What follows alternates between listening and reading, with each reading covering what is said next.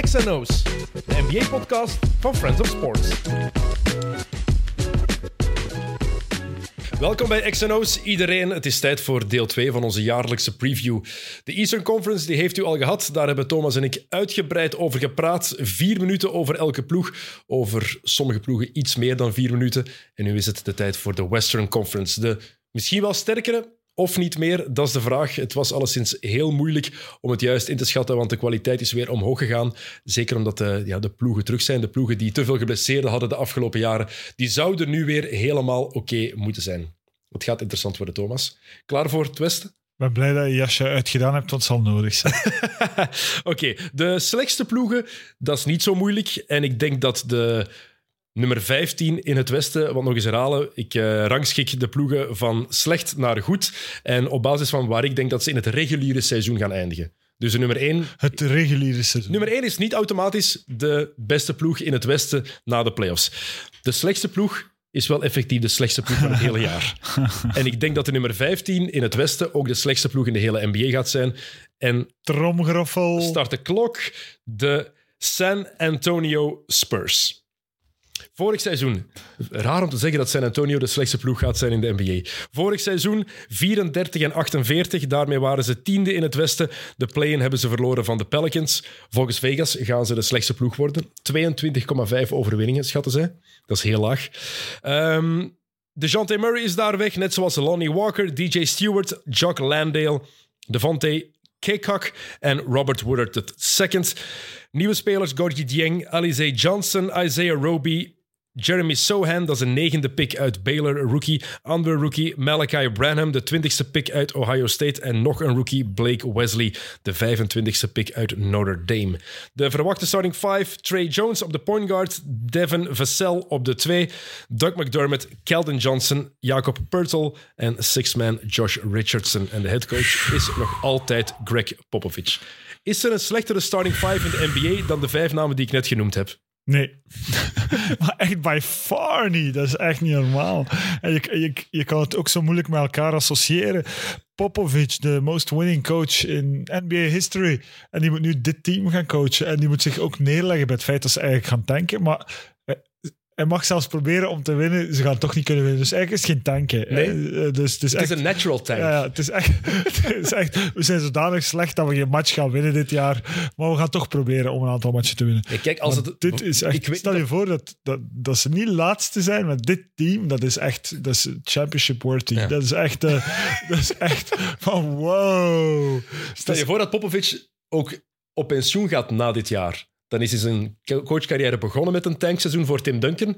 En is hij geëindigd met een mogelijk Ja, maar tankseizoen. je zou ook... eh, Ik weet niet of, of Pop op, op pensioen wil. Ik ik zou eerder denken van dit is het begin van het laatste project van Pop. Eh, dat zou je ook kunnen denken. Van dit is rock bottom. Om daarna terug op te bouwen richting iets. En of dat dan als coach is of als, eh, als GM of, eh, of pres- president. Is hij president? Eh, Of, niet welke rol misschien is hij zelfs president. Is hij of president of basketball. operations? dat is Eh, mogelijk. Dus, eh, dus dat, dat speelt geen rol. Maar ik, laat ons hopen dat het zo is. Want eh, hij is nog altijd te inspirerend en te gedreven ehm, om, eh, om op pensioen te gaan. Dus, eh, maar dit is echt wel van wow. Ik weet zelfs niet of het over de spelers moet gaan. Ik weet niet of je het over de spelers wil hij hebben. is ook maar- president, trouwens. Ja, Even opgezocht. Dus ik dacht het. Eh, Ehm, wil ik het daarover hebben? Ehm, een paar spelers. doe maar. Vassell en Johnson. Hm. Twee leuke spelers om in de gaten te houden. Echt, het zijn, ik heb het voor die twee mannen. Ehm, en eh, Jeremy Sohan, rookie om in de gaten te houden. Iemand met een Dennis Rodman kapsel. Altijd andere kleuren. Hustle player. Dat, is- dat zijn drie opties voor de toekomst. Maar voor de rest is dit wel echt full-on rebuild. Er gaat ook niet veel volk naar kijken op televisie. Ehm, ze hebben niemand die echt kan creëren in deze ploeg. En dit is full-on tank, natural tank voor Victor Wembanyama. En hoe hard zou het passen? Oeh. Moest Wembanyama naar de Spurs gaan? Ja. Een Fransman? En- Dus weer een international player. En iemand waar ze rond kunnen bouwen. Een big man zoals ze dat met Tim Duncan 20 jaar lang gedaan hebben. Ja, ik denk dat dat de insteek is. Hè. Maar goed, het is, het is- een tankseason is niet de garantie op de eerste pick natuurlijk. De slechtste drie records krijgen 14% kans op de nummer 1 pick. Ja, Dus, dus, dat, nog is altijd niet maar één zoveel. kans op zeven. Eh, dus ehm, ja, dat is, niet, dat is geen garantie, maar het zou wel een fantastische fit zijn. Hè. Ik denk dat eh, Pop ook al eh, historisch bewezen heeft van Franse spelers het heel goed te kunnen doen. Ehm, maar ja, dit is, ja, het is een beetje pijnlijk. Tegelijkertijd, weet je, eh, ik snap het ook wel dat je, eh, ook als je San Antonio bent en je hebt al die championships en je hebt die legacy nu van de voorbije 25 jaar, dat je nu even zegt van dat, dat, dat middenmotorgedoe eh, en dat vechten voor die play-in, dat, dat is niet voor ons. Eh, Nee. We gaan vol voor, eh, voor een rebuild. Sinds het vertrek van Kawhi Leonard is het altijd... Ja, zo... Zo net niet Nog geweest. vis, nog vlees Ja, geweest. Zo gewoon, wat, wat, wat is Ja, San de- Antonio de- eigenlijk? Ja, de- het was, je moest, moest blij worden van DeRozan en Aldridge. hè. En dat was niet me- de meest spectaculaire combo. Oké, nummer 14. Volgend seizoen in het Westen, de Utah Jazz. Het gaat spannend worden tussen die twee, denk ik. Maar San Antonio is zo slecht Ja. op papier. Vorig seizoen 49 en 33. Daarmee waren ze vijfde in het Westen. Eruit in de eerste ronde tegen Dallas. Volgens Vegas gaan ze 24,5 matchen winnen. Ehm, afscheid genomen van Donovan Mitchell en Rudy Gobert. Bojan Bogdanovic, Daniel House, Juancho Hernan Gomez, Royce O'Neal, Eric Pascal, Hassan Whiteside, Xavier Sneed en Trent Forrest. Nieuwe spelers Malik Beasley, Leandro Bolmaro, Talon Horton-Tucker, Stanley Johnson, Lauri Markkanen, Saban Lee, Kelly Olynyk, Colin Sexton, Jared Vanderbilt, Cody Zeller, OJ Agbaji, dat is de veertiende pick uit eh, Kansas, die mee is overgekomen van Cleveland. En dan eh, een paar undrafted rookies, Simone Fontecchio, Fontecchio, Fontecchio? Van Tecchio. Als er een Tecchio? H staat na de Dan is het inderdaad. C, dan is het altijd... En Johnny Juzang. Verwachte starting five in het begin van het seizoen. Mike Conley Jr., want die gaan ze nog proberen, buiten, eh, nog proberen te traden. Colin Sexton, Malik Beasley, Lauri Markkanen en Kelly Olynyk. En six man ook voorlopig, want die gaan ze ook proberen traden nog. Jordan Clarkson.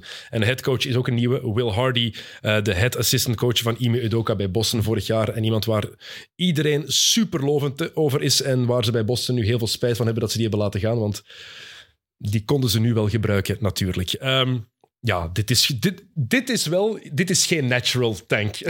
het is effectief... Maar ik snap niet hoe je kan zeggen dat het nog spannend kan worden tussen dit team en, en San Antonio. Want dit is wel net iets beter. Net Eh, iets. daar- ja, daar moeten we wel eerlijk over zijn. Er zijn ook namen die net iets bekender in de oren zullen klinken bij iedereen dan, dan wat we daarnet hoorden bij San Antonio. Dus, eh, dus eh, dit is net iets beter. Ehm dit is ook een team, het is een tank, maar een tank die daarom niet de voorlaatste, maar die even eh, Het is, nog, dit is Danny Ainge. hè. Ainge gaat er alles aan doen om zijn ploeg zo laag mogelijk te laten Ja, dat, eh, dat is waar. Want dit is een team, als je daar een goede coach bij zet, en kan je zeggen van, hey, we gaan vechten voor de play-ins. Eh, en, en, en dat Denk je is- dat echt? Ja, Dit team? ja, en dat is niet de bedoeling. Natuurlijk, ja, Conley, Conley moet nog weg.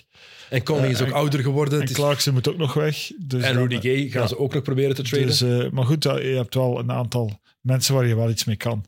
Ehm, maar eh, ja, goed. eh, het is wat het is. Het is duidelijk ook eh, optie om een volledige rebuild op te starten. Als je, als je en Gobert en Donovan Mitchell wegdoet in hetzelfde tussenseizoen, dan ja, dat is duidelijk waar, waar je op aanstuurt. Wel jammer, want eigenlijk eh, hadden we allemaal gedacht van eh, dit is een stabiele organisatie en die gaan er ooit wel eens echt dichtbij zijn. Maar dan zie je toch dat dat ook kan eh, imploderen. Ja, absoluut. Ze hebben 13 unprotected of amper beschermde picks gekregen voor Mitchell en Gobert. 13. De komende jaren, dat is enorm, enorm veel. Ehm, en ja, ze zijn, slecht, ze zijn niet slechter dan de Spurs op dit moment. Ehm, ik ben ook heel benieuwd wat Markenen kan laten zien nadat hij af en toe toch echt wel een exploot heeft getoond op het, eh, op het EK. Ik vond die bij momenten waanzinnig spelen. Ja, voor Finland heeft hij eigenlijk altijd zo goed gespeeld. Ehm, maar ik vond hem vorig jaar ook wel een degelijk jaar hebben. De, eh, Degelijk, ja. Ja. de, de degelijk is nooit goed. Hè. Degelijk Dat is echt, in sport is is, echt... dat is mossel nog vis, dat is waar. maar eh, ja, maar ik vond hem wel, ik vond hem wel goed vorig jaar. Eh, beter dan hij in Chicago was. Ehm, dus ja, ik ben ook wel benieuwd. Om de een of andere reden vind ik eh, Utah een natural fit voor Markkanen. Ehm, maar eh, ja, niet, misschien niet met dit team. Nee, en er gaan ook nog mysterieuze blessures komen hoor. Als Sexton en Markkanen ineens te goed zouden samenspelen. En oh, toevallig is een van die mannen Een geblesseerd. stressfractuur. Oeh, ja, ja, ineens. ineens. Ja, we, ja, we kunnen de, de, de x-rays niet laten zien, want... ehm, ja, kijk, de Jazz. Het is vol een bak voor Victor Wembanyama, Ma- Wembanyama of voor Scoot Henderson. Zo simpel is dat. Ehm, heb jij trouwens de Brian Windhorst rant daarover gezien? Of zijn Nee. Why would the Jazz do that? Ik ga je straks laten zien. Ik heb het dan vorige keer gezegd in, eh, met de Chaotic 4. Zoek dat op, het is geniaal. Eh, nummer 13. Next team. De eerste vier ploegen zijn echt niet goed in het Westen. Oklahoma City Thunder. Vorig seizoen 24 en 58, voorlaatste in het Westen. Volgens Vegas 23,5 overwinningen. Weg daar Derek Favors, Theo Maledon, Isaiah Roby, Vit Krejci, Xavier Simpson, Ty Jerome, Jalen Hort, Georgios Kalatzikis, Kalatzakis beter gezegd, en Melvin Frazier Jr. Nieuw Sterling Brown, Trey Burke, Marquise Chris, David Nwaba, Eugene Omoruyi, Chet Holmgren, de tweede pick uit Gonzaga, die meteen een heel jaar niet gaat spelen omdat hij eh, zijn voortse kruisband heeft afgescheurd. Ousmane Dieng, de elfde pick uit Nieuw-Zeeland. Jalen Williams, de twaalfde pick uit Santa Clara. En Jalen Williams, de 34ste pick uit Arkansas. Ze hebben een Jalen, J-A-L-E-N, Williams, en een Jalen, J-A-Y-L-I-N, Williams. dat is al heel mooi. Dus hoe ze dat op die truitjes gaan zitten... Ja, J. Williams kan ook niet. J.A. Williams kan ook niet, want dat hebben ze ook allebei. Dus het gaat nog tof worden. Eh verwachte starting five. Shea Gilgis-Alexander. Josh Giddy, Lou Dort, Darius Baisley, Jeremiah Robinson Earl. En dan van de bank eerste opties zijn Jalen Williams en Trey Mann. Headcoach is Mark Danio. Ehm, waarom ik zo'n gezicht ook naar jou bij Shea Gilgis-Alexander is omdat ik me afvraag... Vraag me daar twee dingen over af. Eén, hoeveel geduld gaat die mens nog hebben? Twee, wanneer gaan ze een blessure bedenken voor Shea? Omdat alles staat of valt met hem. Als hij te goed is, dat ze nog te veel wedstrijden gaan winnen. Er zit- Eh, want er zit wel Dort, Giddy, Shea... Ja, ja, Dat is nee, nee, ja, dat is eigenlijk wel waar. Eh, toen je begon aan de starting five, dacht ik ook van... Poef, eh, oh, Giddy. Ja. Daar worden we allemaal blij van, hè, van Giddy. Maar ja... pff, Wordt ook niet warm van, hè, OKC. Dus ook zo... Die zijn ook vorig jaar zo door het seizoen gegaan zonder dat één iemand, denk ik, daar veel inkt of eh, stem aan verspild heeft. Hè. Dat, is echt gewoon... Er werd over geschreven toen Westbrook daar Ja. tegen zakte en de Lakers er tegen verloren. Nee, Dat gaat, ja. ja, maar dat gaat het geval zijn bij OKC, bij, ehm, bij Utah, bij eh, San Antonio. Als een ploeg, een goede ploeg daar verrassend tegen verliest, dan gaan we daar aandacht aan besteden. Ja. Wat wel jammer is, is natuurlijk dat, eh dat Holmgren, hè, want daar keken we toch een beetje naar uit, al was het maar om te zien of ze, zijn eh, prestaties even goed waren als, eh, als, als, als de- zijn uitspraken van de voorbije maanden. Want dat was toch wel op het randje van de goede smaak, zal ik maar zeggen. Hoe hij, eh, ik denk dat het ook wel een stukje personal branding was en, en zichzelf positioneren. Eh, dus dat is wel heel erg jammer hè, dat, dat dat dan gebeurt. Eh, maar goed. De manier waarop hij het zei was vooral irritant. Ja, Want, want Victor Wembanyama heeft ook zo'n dingen gezegd over Scoot Henderson. Ja, als ik er, hij was de nummer één pick geweest als ik nooit was geboren. Maar ja, zei dat is nog cool. Ja, ik vond dat ook. Ik, Ja. ben, ik, ik heb het niet voor Chet Holmgren en ik kan niet uitleggen waarom. Nee, maar eh, hij is, Dat is echt onnozel. cocky. Nee, hij is echt cocky. En hij is eigenlijk... pff, zoals ik er naar kijk, ik vind hem eigenlijk niet zo goed. Eh, ik, ik, eh, Wembanyama mag zeggen wat hij wil vandaag. Ik ga zeggen, het zal, wel, het zal er wel uitkomen. Terwijl bij Holmgren, het was toch een- nog altijd een heel groot vraagteken. Ik spreek je heel graag tegen, dat weet je, maar ik kan je alleen maar gelijk Ja. geven, ja, We ik hebben ook tegen elkaar echt. gespeeld op het, ik- het WK U19. Ja, en daar was Holmgren one of the... Allee, die, die stak er niet bovenuit. Wembanyama Ja. heeft, die afge- Ja, heeft hem ja, afgemaakt. Hè? Ja. En, eh, en Holmgren, ja, ik weet het niet. Hij heeft zich op de draft ook heel raar gepresenteerd. Heel, ja, gewoon heel cocky en, en, en, en niet passend bij hoe hij er eigenlijk uitziet. Want hij ziet eruit als een nice white guy, skinny. eh, en moet nog alles bewijzen. En eh, ja, een groot vraagteken. En dan, dan graag je zo. Dan denk ik van, gast, eh, even dimmen. En ja, kom nu maar terug, hè, na een kruisband. eh volledig seizoen niet spelen. Verwachtingen gaan nog altijd even hoog Ja, zijn. maar bij OKC vinden ze dat volgens mij niet erg. Want nu hebben ze een excuus. Van, oké, ja, Om te we- tanken. nog, nog een extra excuus. nog. Ja. Eh, ze hebben vier van de eerste 34 picks van afgelopen draft trouwens. Mm. Eentje gaat natuurlijk het hele jaar niet spelen. Ehm, en wat ze ook hebben, eigenlijk hun belangrijkste aanwinst. Chip England, de shooting coach van Mm. San Antonio, die Tony Parker heeft leren shotten, die Kawhi Leonard heeft leren shotten, die overal in de NBA hoog aangeschreven staat. En voor een club, voor een franchise die vooral werkt met jonge spelers en zich wil ontwikkelen de komende jaren, is dat de beste zet die ze hadden kunnen doen. Lijkt mij. Ja. Dus Maar voor, voor- vooral geen matchen winnen. Ze mogen, al- ze mogen allemaal beter leren shotten, maar liever ernaast. ja, ja, als ze geblesseerd zijn, hè, met die stressfractuur, dan mogen ze gaan trainen. Score zoveel je wil op training. Oké, nummer 12. De Houston Rockets. Vorig seizoen 20 en 62, de slechtste ploeg in het Westen. Volgens Vegas 23,5 overwinningen. Daar vertrokken David Nwaba, Dennis Schreuder, John Wall, die zat daar nog altijd, letterlijk, die zat daar. Eh, Christian Wood, Traveling Queen en Anthony Lamb. Aangetrokken Derek Favors, Mo Harkless, Ty Jerome, Theo Maledon, Boban Marjanovic, zit nu in Houston. Jabari Smith, de derde pick uit Auburn. Tyree Eason, dat is de 17e pick van de afgelopen draft uit LSU. En Ty Ty Washington, 29e pick uit Kentucky. En het kan wel eens een steal zijn, die gast. Verwachte starting five. Kevin Porter Jr., Jalen Green, Eric Gordon, Jabari Smith Jr. Jr. en Alperen Sengun. Six-man Jay Sean Tate, ex-speler van de Antwerp Giants. Headcoach is Steven Silence. S- nou ja, Steven Silence, een gast die geen cadeau krijgt. Zijn eerste jaren als headcoach. En deze ploeg maakt mij heel zenuwachtig. Waarom? Er zit heel veel talent in. Jalen Green, ik geloof daar enorm in. Het is zo Ehm, van alle... Jabari Smith. Ja, echt- vind ik fantastisch.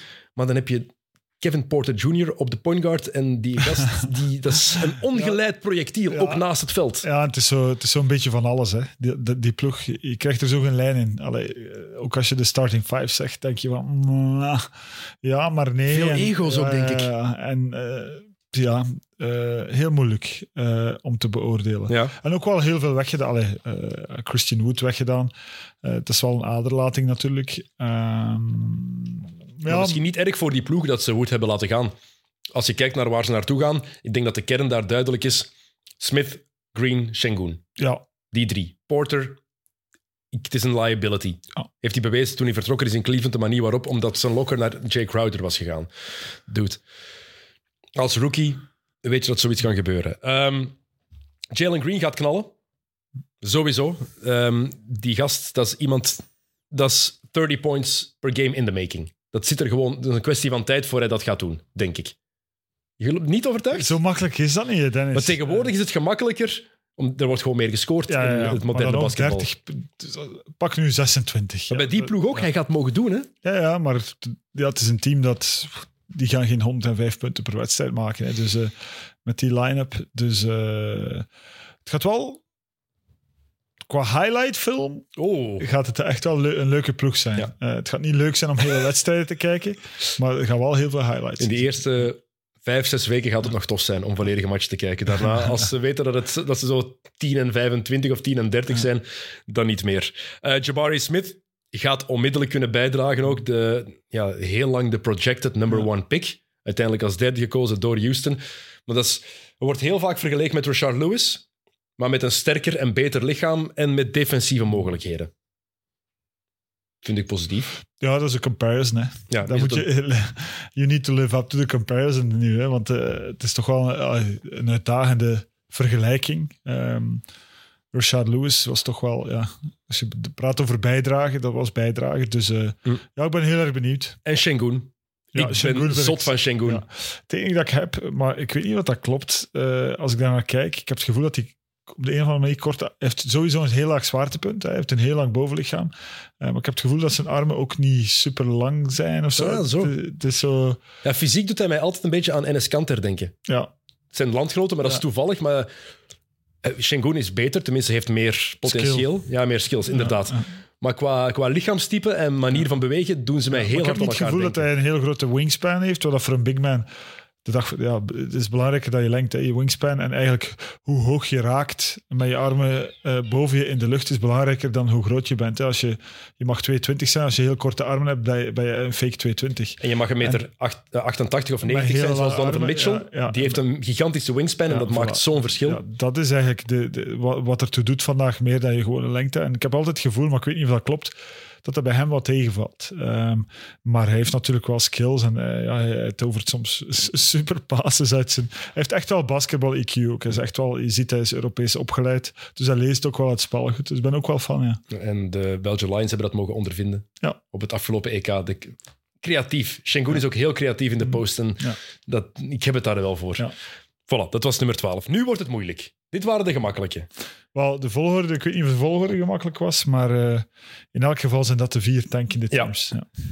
Nummer 11. Nu kom je bij de teams die tussen tanken en meedoen Maar, voor de is, maar vanaf nu wordt het zeker... Er zijn eigenlijk Geen negen, teams vanaf meer. 9 Ja. wordt het heel moeilijk. 11 en 10 vond ik nog logisch. Op 11.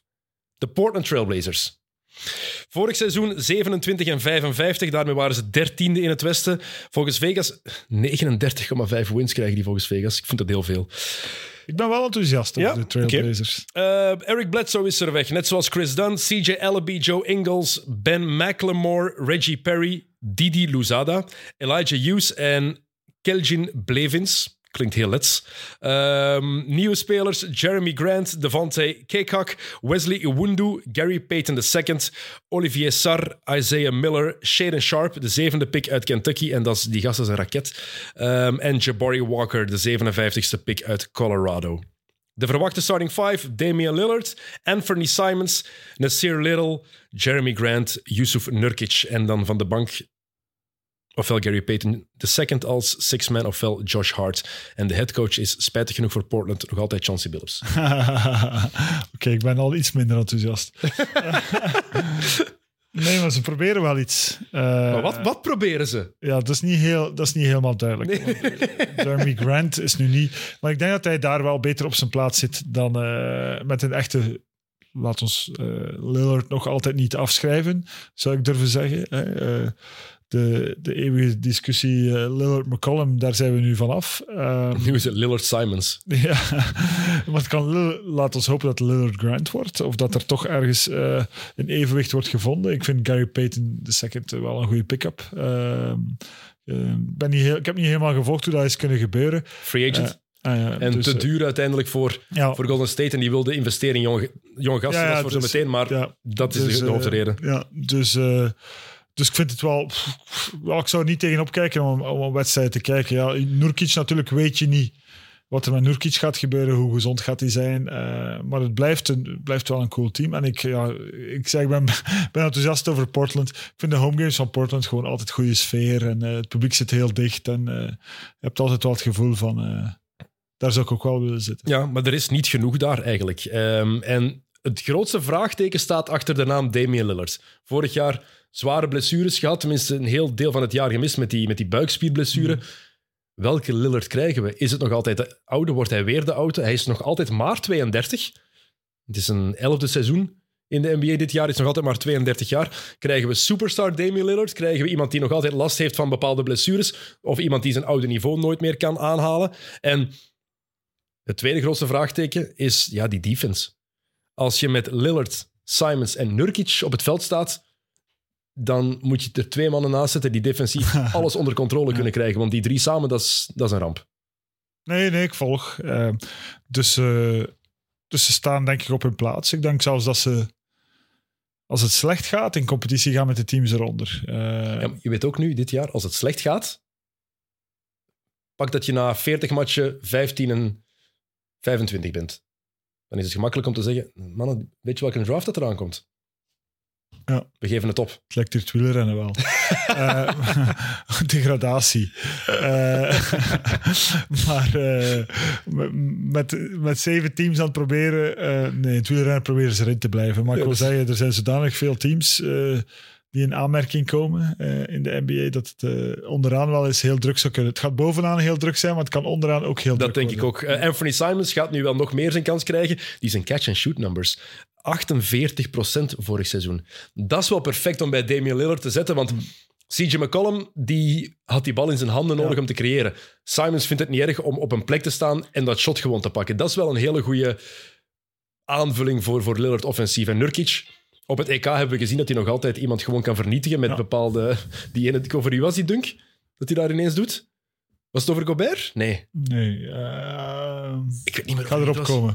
Eh, laat, Ik had zo Zie ik meteen ja. even opzoeken. Maar ja, ehm, nee, Portland. En ja, Chauncey Billups, wat hij in zijn eerste jaar als headcoach heeft laten zien, maakt mij niet warm. Dat is een Nee, hij is- hij understatement. werd natuurlijk niet geholpen door de omstandigheden. Nee, dus zwaar. We mogen hem nog niet afschrijven. Maar Nick Ik ben Nurse... ook een beetje fanboy, dus... eh, Maar Nick Nurse die kan uit moeilijke omstandigheden bijvoorbeeld meer halen in mijn ogen dan een Billups kan. maar Nick Nurse heeft geen championship als een speler gewonnen. Nee, Dus, dat is waar. Nick dus Nurse is wel we- coach van Oostende geweest.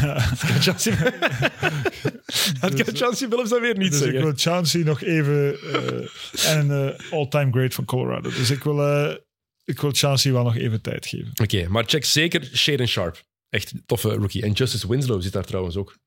Ja. Ehm, nummer 10. Misschien de eerste verrassing. Ja, eerste verrassing. Ik heb ze nog niet genoemd bij de laatste vijf. De Sacramento Kings in de play-in. ja, ja, ja, ja, ja. Bij gebrek aan betere teams Ja, gewoon, ik zet ze, Sacramento op 10 terecht. ik zet ze boven, boven Portland. Ja. Eh, vorig seizoen 30 en 52, 12e ehm, in eh, het westen. Ik heb blijkbaar de Vegas odds niet opgeschreven, dus die ga ik zo meteen even opzoeken snel nog. Eh, afscheid genomen van Dante DiVincenzo, Mo Harkless, Justin Holiday, Josh Jackson, Damian Jones, Damian Jones en Jeremy Lamb. Nieuwe spelers zijn Ken Bazemore, Quinn Cook, Matthew Dellavedova, Kevin Herter, Sam Merrill, Malik Monk, Casey Okpala, Keegan Murray, de vierde pick uit Iowa van de afgelopen draft, en Keon Ellis, een undrafted rookie. De verwachte starting five: De'Aaron Fox, Kevin Herter, Harrison Barnes, Keegan Murray op de vier en Domantas Sabonis. En van de bank drie opties eigenlijk om six-man te worden. Davian Mitchell, Rashawn Holmes en Trey Lyles. Nieuwe headcoach ook met Mike Brown. Geen enkele profploeg in de VS heeft de playoffs langer gemist op dit moment dan de Sacramento Kings. Want de Seattle Mariners hebben in het baseball En- de playoffs gehaald. En tiende betekent als je de play-ins haalt, dat je play-offs haalt voor jou. Nee, totaal niet. Ah, oké. Gewoon, ik geef het erbij. Ze haalden gewoon de play-in en dan, dan eindigt het volgens mij. Ah, hè. oké, dus haal- gaan ze ze terug niet halen. Ik denk niet dat ze de playoffs gaan halen. Nee, die, die, Nee, die streak gaat hoor- doorgaan. Ik denk dat, ik denk dat er teams dat we al teams besproken hebben die in staat zijn van beter te doen dan deze Sacramento Ja? Kings. Ja. Ja, ik, Waar word je nu enthousiast over? Fox en Sabonis. Offensief, vanaf dat die trade was gebeurd voor Buddy Hield, werkte dat echt wel, die twee samen. En ik vond Fox ook beter spelen sinds Sabonis daar was. Eh, en veel gaat afhangen van hem. Welke, Hmm. welke Fox we gaan zien, of het degene gaat zijn van het begin van vorig seizoen. Het is die de derde keer dat ik al tegen die, die micro tik. Het is een, Je het moet gewoon stilzitten, Dennis. Ja, maar ik moet ook die laptop werken. Ik moet nog zoeken wat de over- en eh, over-under was. Ehm, nee, maar ja, Fox, die, als hij het tweede deel van het seizoen kan herhalen dit jaar, dan kan Sacramento verder gaan. Malik Monk komt daarbij, wat heel slimme zet is. College buddy van, eh, van Fox. Zo'n kleine dingetjes werken ook wel. En Monk, ik, ja, ik snap niet dat de Lakers die hebben laten gaan eigenlijk. Ehm, Maar daarvoor moeten we eerst nog de Lakers bespreken op, Dat is ne- zo meteen, op, op ja. negen. Er is genoeg shooting en playmaking in deze ploeg, denk ik. Ehm, en nu zou hun shooting ook beter moeten zijn dan vorig jaar. Vorig jaar waren ze de op vijf na slechtste ploeg van achter de driepuntlijn. Het gaat allemaal beter zijn, denk ik, dit jaar. Net zoals in defense. Want dat moest beter, vooral onder de borden. En ze hebben Mike Brown binnengehaald. Defensive head coach. En Keegan Murray. Ik geloof in Keegan Murray. Ja, ik, eh, Je bent dat is echt mijn joker. totaal niet Nee, overtuigd. dat is echt mijn joker. Eh, ja, hoe lang wachten we al op, ja, hoe lang wachten we al op Fox? Ehm, en- Draft van 2017 was het, denk ik. Dus we wachten al even op Fox. Hè. En, en dit is ook niet. Het is ook, het is ook geen echte point guard, laten we eerlijk zijn. Dus het is, het is altijd wat. Ja, ik, ik, ik zie het niet onmiddellijk, maar ik ben natuurlijk wel. Ehm, ja, Sabonis vind ik sowieso goed. En eh, ik snap al wat je zegt, maar ehm, Je bent het er niet mee eens. ik ben het er niet helemaal mee eens. Ik Ze hadden zie- trouwens volgens Vegas 33,5 overwinningen. ja, dat is wel veel eigenlijk. Minder dan Portland. Ja. Dat wel. Ehm, maar ja, ik denk dat Sacramento dit jaar de banner gaat mogen hangen voor de play-in. Ik zeg Portland. Oké. Kunnen we dat nu officialiseren? pff, voor mij is dat goed hoor. Ik, heb het zo, ik heb het zo gezet. Dus. Hebben de playoffs niet meer gehaald sinds 2006, Sacramento. En het strafste daarvan is, vind ik, geen enkele actieve speler heeft ooit in de playoffs tegen de Kings gespeeld. Niemand. Dat is toch Dus- waanzin? dus in 2000, De laatste keer dat ze een playoff match hebben gewonnen was Vijf. 2003, denk ik, of 2004. Ja, Want eh, Seattle, Seattle heeft LeBron was wel in de league en Ja, zo. ja, maar, die hebben niet de finals moeten halen. ja, dus, de laatste eh, keer dat ze relevant waren, was in de playoffs van 2002. Toen ze eigenlijk de finals hadden moeten halen, maar eruit gefloten zijn door onder andere de heer Donaghy. hmm. Denk aan het Robert Horry shot. Hm. Maar goed, dat is nummer 10. Nummer 9. Dan gaan we meer dan De Lakers, hè? minuten Ja. ik dacht, waar blijven ze? De LA Lakers Veel hoger kan je ze niet zetten. Hè? De LA Lakers op. Ik kan ze inderdaad niet hoger zetten dan dit. De, de rest is gewoon te sterk. Vorig seizoen 33 en 49, 11e in het, eh, in het Westen. Volgens Vegas 45,5 overwinningen. Afscheid genomen van Carmelo Anthony, DJ Washington, Ken Bazemore, Avery Bradley, Wayne Ellington, Talon Horton Tucker, de man die ze vorig jaar nog per se niet wilde laten gaan, Dwight Howard, Stanley Johnson, Mason Jones, Malik Monk en Mac McClung. Nieuwe spelers: Patrick Beverly, Dennis Schreuder, Juan Toscano Anderson, Lonnie Walker, Damian Jones, Jay Huff, Thomas Bryant, Dwayne Bacon, Troy Brown Jr., Max Christie, dat is een rookie, de 35ste draftpick uit Michigan State. En dan nog heel wat undrafted rookies. De verwachte starting five. Voorlopig Russell Westbrook en Kendrick Nunn als backcourt. LeBron James, Anthony Davis en Damian Jones in de frontcourt. En dan Dennis Schreuder als six man. Darvin Ham is ook nieuw. Dat is de headcoach. Die komt Frank Vogel vervangen. Waar beginnen we dan? Misschien moet ik eerst een vraag stellen. Gaat Patrick Beverly met LeBron en AD spelen? Of LeBron en AD met Patrick Beverly, zoals hij zelf zei? Ik denk het eerste. Daar kunnen we het misschien over eens zijn. Ik, ik, ik weet niet waar we moeten beginnen. Ehm, Anthony Davis, daar beginnen we mee. Nou, Misschien moeten we ook gewoon zeggen van... eh, die opkuis, die was nodig. Ja, maar ze hebben de ploeg niet beter gemaakt. Ze hebben vooral mannen nodig die kunnen verdedigen en driepunters kunnen shotten. Ja, die, die zijn er niet bijgekomen. Nee, die zijn er niet bijgekomen. Schreuder, dat is niet zijn Schreuder rol. was eigenlijk een, een, een perfecte combo guard geweest voor pakweg 10, 12 andere teams. En dan komt hij bij, de Lakers terecht, waar, waar ik vrees dat hij eigenlijk de hoop gaat vullen. En wel eh, iets zal kunnen doen. Het is ook een, een, een contract. Hè. Schreuder blijft een triestig verhaal. Hè. Ja, 84 miljoen of zo geweigerd om dan met 4 miljoen te eindigen bij de Celtics. Ehm, want nu is het ook een eh, heel klein contract. geen hè. 3 miljoen, denk Ja, ik. en, eh, Goed, geweldig EK gespeeld, nogthans. ja, supergoed EK gespeeld. Maar dus de Patrick Beverly. Dus ik, ik vind wel... pff, allee, ik, ben, ik word blijer van wat ze nu hebben. Waar, waar ze eh, de cast van eh, Space Jam 2, die, die ik ze vorig jaar genoemd heb, vervangen hebben door wat ze nu hebben. Dus daar word ik blijer van. Maar goed, ja, het, het blijft eh, LeBron James, Anthony Davis. En eigenlijk ja, staat of valt het een beetje. Je weet, alhoewel LeBron de eerste tekenen van verval begint te tonen. Hè, we, we hebben altijd gezegd, LeBron die is onaantastbaar, die is nooit gekwetst, geblesseerd. Die, ja, dat is gewoon een, eh, een Robocop die, die alles kan. Eh, die begint de eerste tekenen van verval te tonen. Maar het is vooral Anthony Davis, hè, die eigenlijk... eh, en we hebben het er eh, in de Eastern Conference preview even over gehad. Maar ja, daar hebben ze gewoon de 30 kilo aangehangen. En dat is gewoon niet meer de speler die uit Kentucky gekomen is. En waar we allemaal zo naar uitkeken. hoe die zich ging ontwikkelen in de NBA. En dat Vorig is, seizoen LeBron trouwens ehm, 26 matchen gemist, het jaar daarvoor 27. Ja. En het zijn vaak fluke injuries. Als iemand op je been valt, ja, dan kan je weinig aan doen. Maar vroeger was LeBron de Terminator. Ja. En dan viel iemand op zijn been en stond hij weer recht en Ja. was het voorbij. Eh, maar Anthony Davis, ja, één, dat lichaam. En ook twee, gaat hij zijn shot teruggevonden hebben. Want ineens was dat ook helemaal weg. Vorig seizoen, toen hij fit was en speelde, hij kon geen afstandsshot meer pakken. En Normaal dat was het nooit een probleem voor hem. Dus dat, ja, dat, dat gaat wel moeten gebeuren. Hij gaat ook wel fit moeten blijven nu. En wat hebben we al gezien? Tweede preseason game. Anthony Davis gaat niet meedoen. Back soreness. Nu al last van de rug. Dat is weer een heel slecht voorteken. Hè? Ja, dat kan natuurlijk van, alle, dat kan eh, van alles zijn. Dat kan ook eens gewoon een nacht slecht geslapen hebben. Maar, eh, laat maar het is wel weer bij Anthony Davis, half dat is het probleem. Ja, ja. Eh, laat ons positief proberen blijven. Laat ons vooral ehm, ja, de speler die Anthony Davis was en had kunnen worden. En hopen dat we daar eh, ja, toch terug die flitsen van zien. En ook consistency, hè, want dat is ook zijn probleem altijd geweest. Hè, waar, waar wij dachten van dit is de next superstar. Is hij wel een superstar, maar hij is nooit consistent geweest. Hij is eigenlijk geen winnaar tot nu Ja. toe in zijn NBA-carrière. Als, want ze hebben nog altijd Anthony Davis en LeBron James. Titel gewonnen samen in 2020. Ze hebben die twee nog altijd. Wat is het plafond, denk je? Gewoon puur door de kwaliteit van LeBron en AD.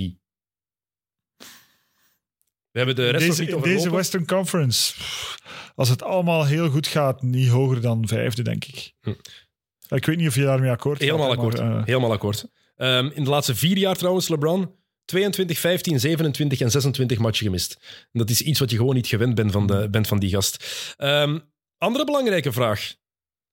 Wie is de nummer drie bij de Lakers? Wie is de op twee na beste speler? Is dat nog altijd Russell Westbrook? Hij heeft gezegd dat hij zich nu, in functie, dat hij zich nu gaat aanpassen en in, de functie, in functie van het team gaat spelen. Maar Westbrook heeft zich in heel zijn carrière nog nooit aangepast. Is gedraft in 2008. Eh, optie 3, maar pff, ja, we gaan ook zien hoe hem, hè, want het is geen cadeau dat hem krijgt, maar ik hoor wel heel veel goede dingen over hem. Eh, maar het- is ook te zien hoe hij dat... Ja, hij gaat zich niet kunnen permitteren van tegen Westbrook te zeggen vanaf nu is Schroeder onze derde offensieve optie. Dat gaat niet gebeuren. Terwijl dat misschien eigenlijk wel een optie zou moeten zijn, maar dat kan je bijna niet maken. Gaat hij Westbrook van de bank durven laten komen? Want dat is misschien eigenlijk nog de beste optie. Beverly laten starten op de point guard en Westbrook de second unit laten leiden en te zeggen, hier, je hebt zeker vijf minuten per helft waarin jij volledig jouw ding kan doen. Dat gaat niet gebeuren. denk ik. Ik denk het ook niet. Maar zou het moeten Als gebeuren? Het zou misschien moeten gebeuren, maar als je wil dat de boel heel snel implodeert, dan moet je dat proberen. D- ze kunnen... Wat wel leuk zou zijn, hè, want uiteindelijk leven we allemaal van het drama van de Brooklyn Nets en de Los Angeles Lakers. En willen we dat er zoveel mogelijk drama is. Eh, ja. Eh, dus, Ze eh, kunnen nog wel een trade maken. Ze hebben, LeBron heeft bijgetekend, Ja. doet hij niet zomaar. De, nummer one, eh, de first round picks van 2027 en 29 mogen ze traden. Nu, zie ik nog gebeuren. Ja, Miles Turner en Buddy Hield worden dan vaak genoemd. Zou passen.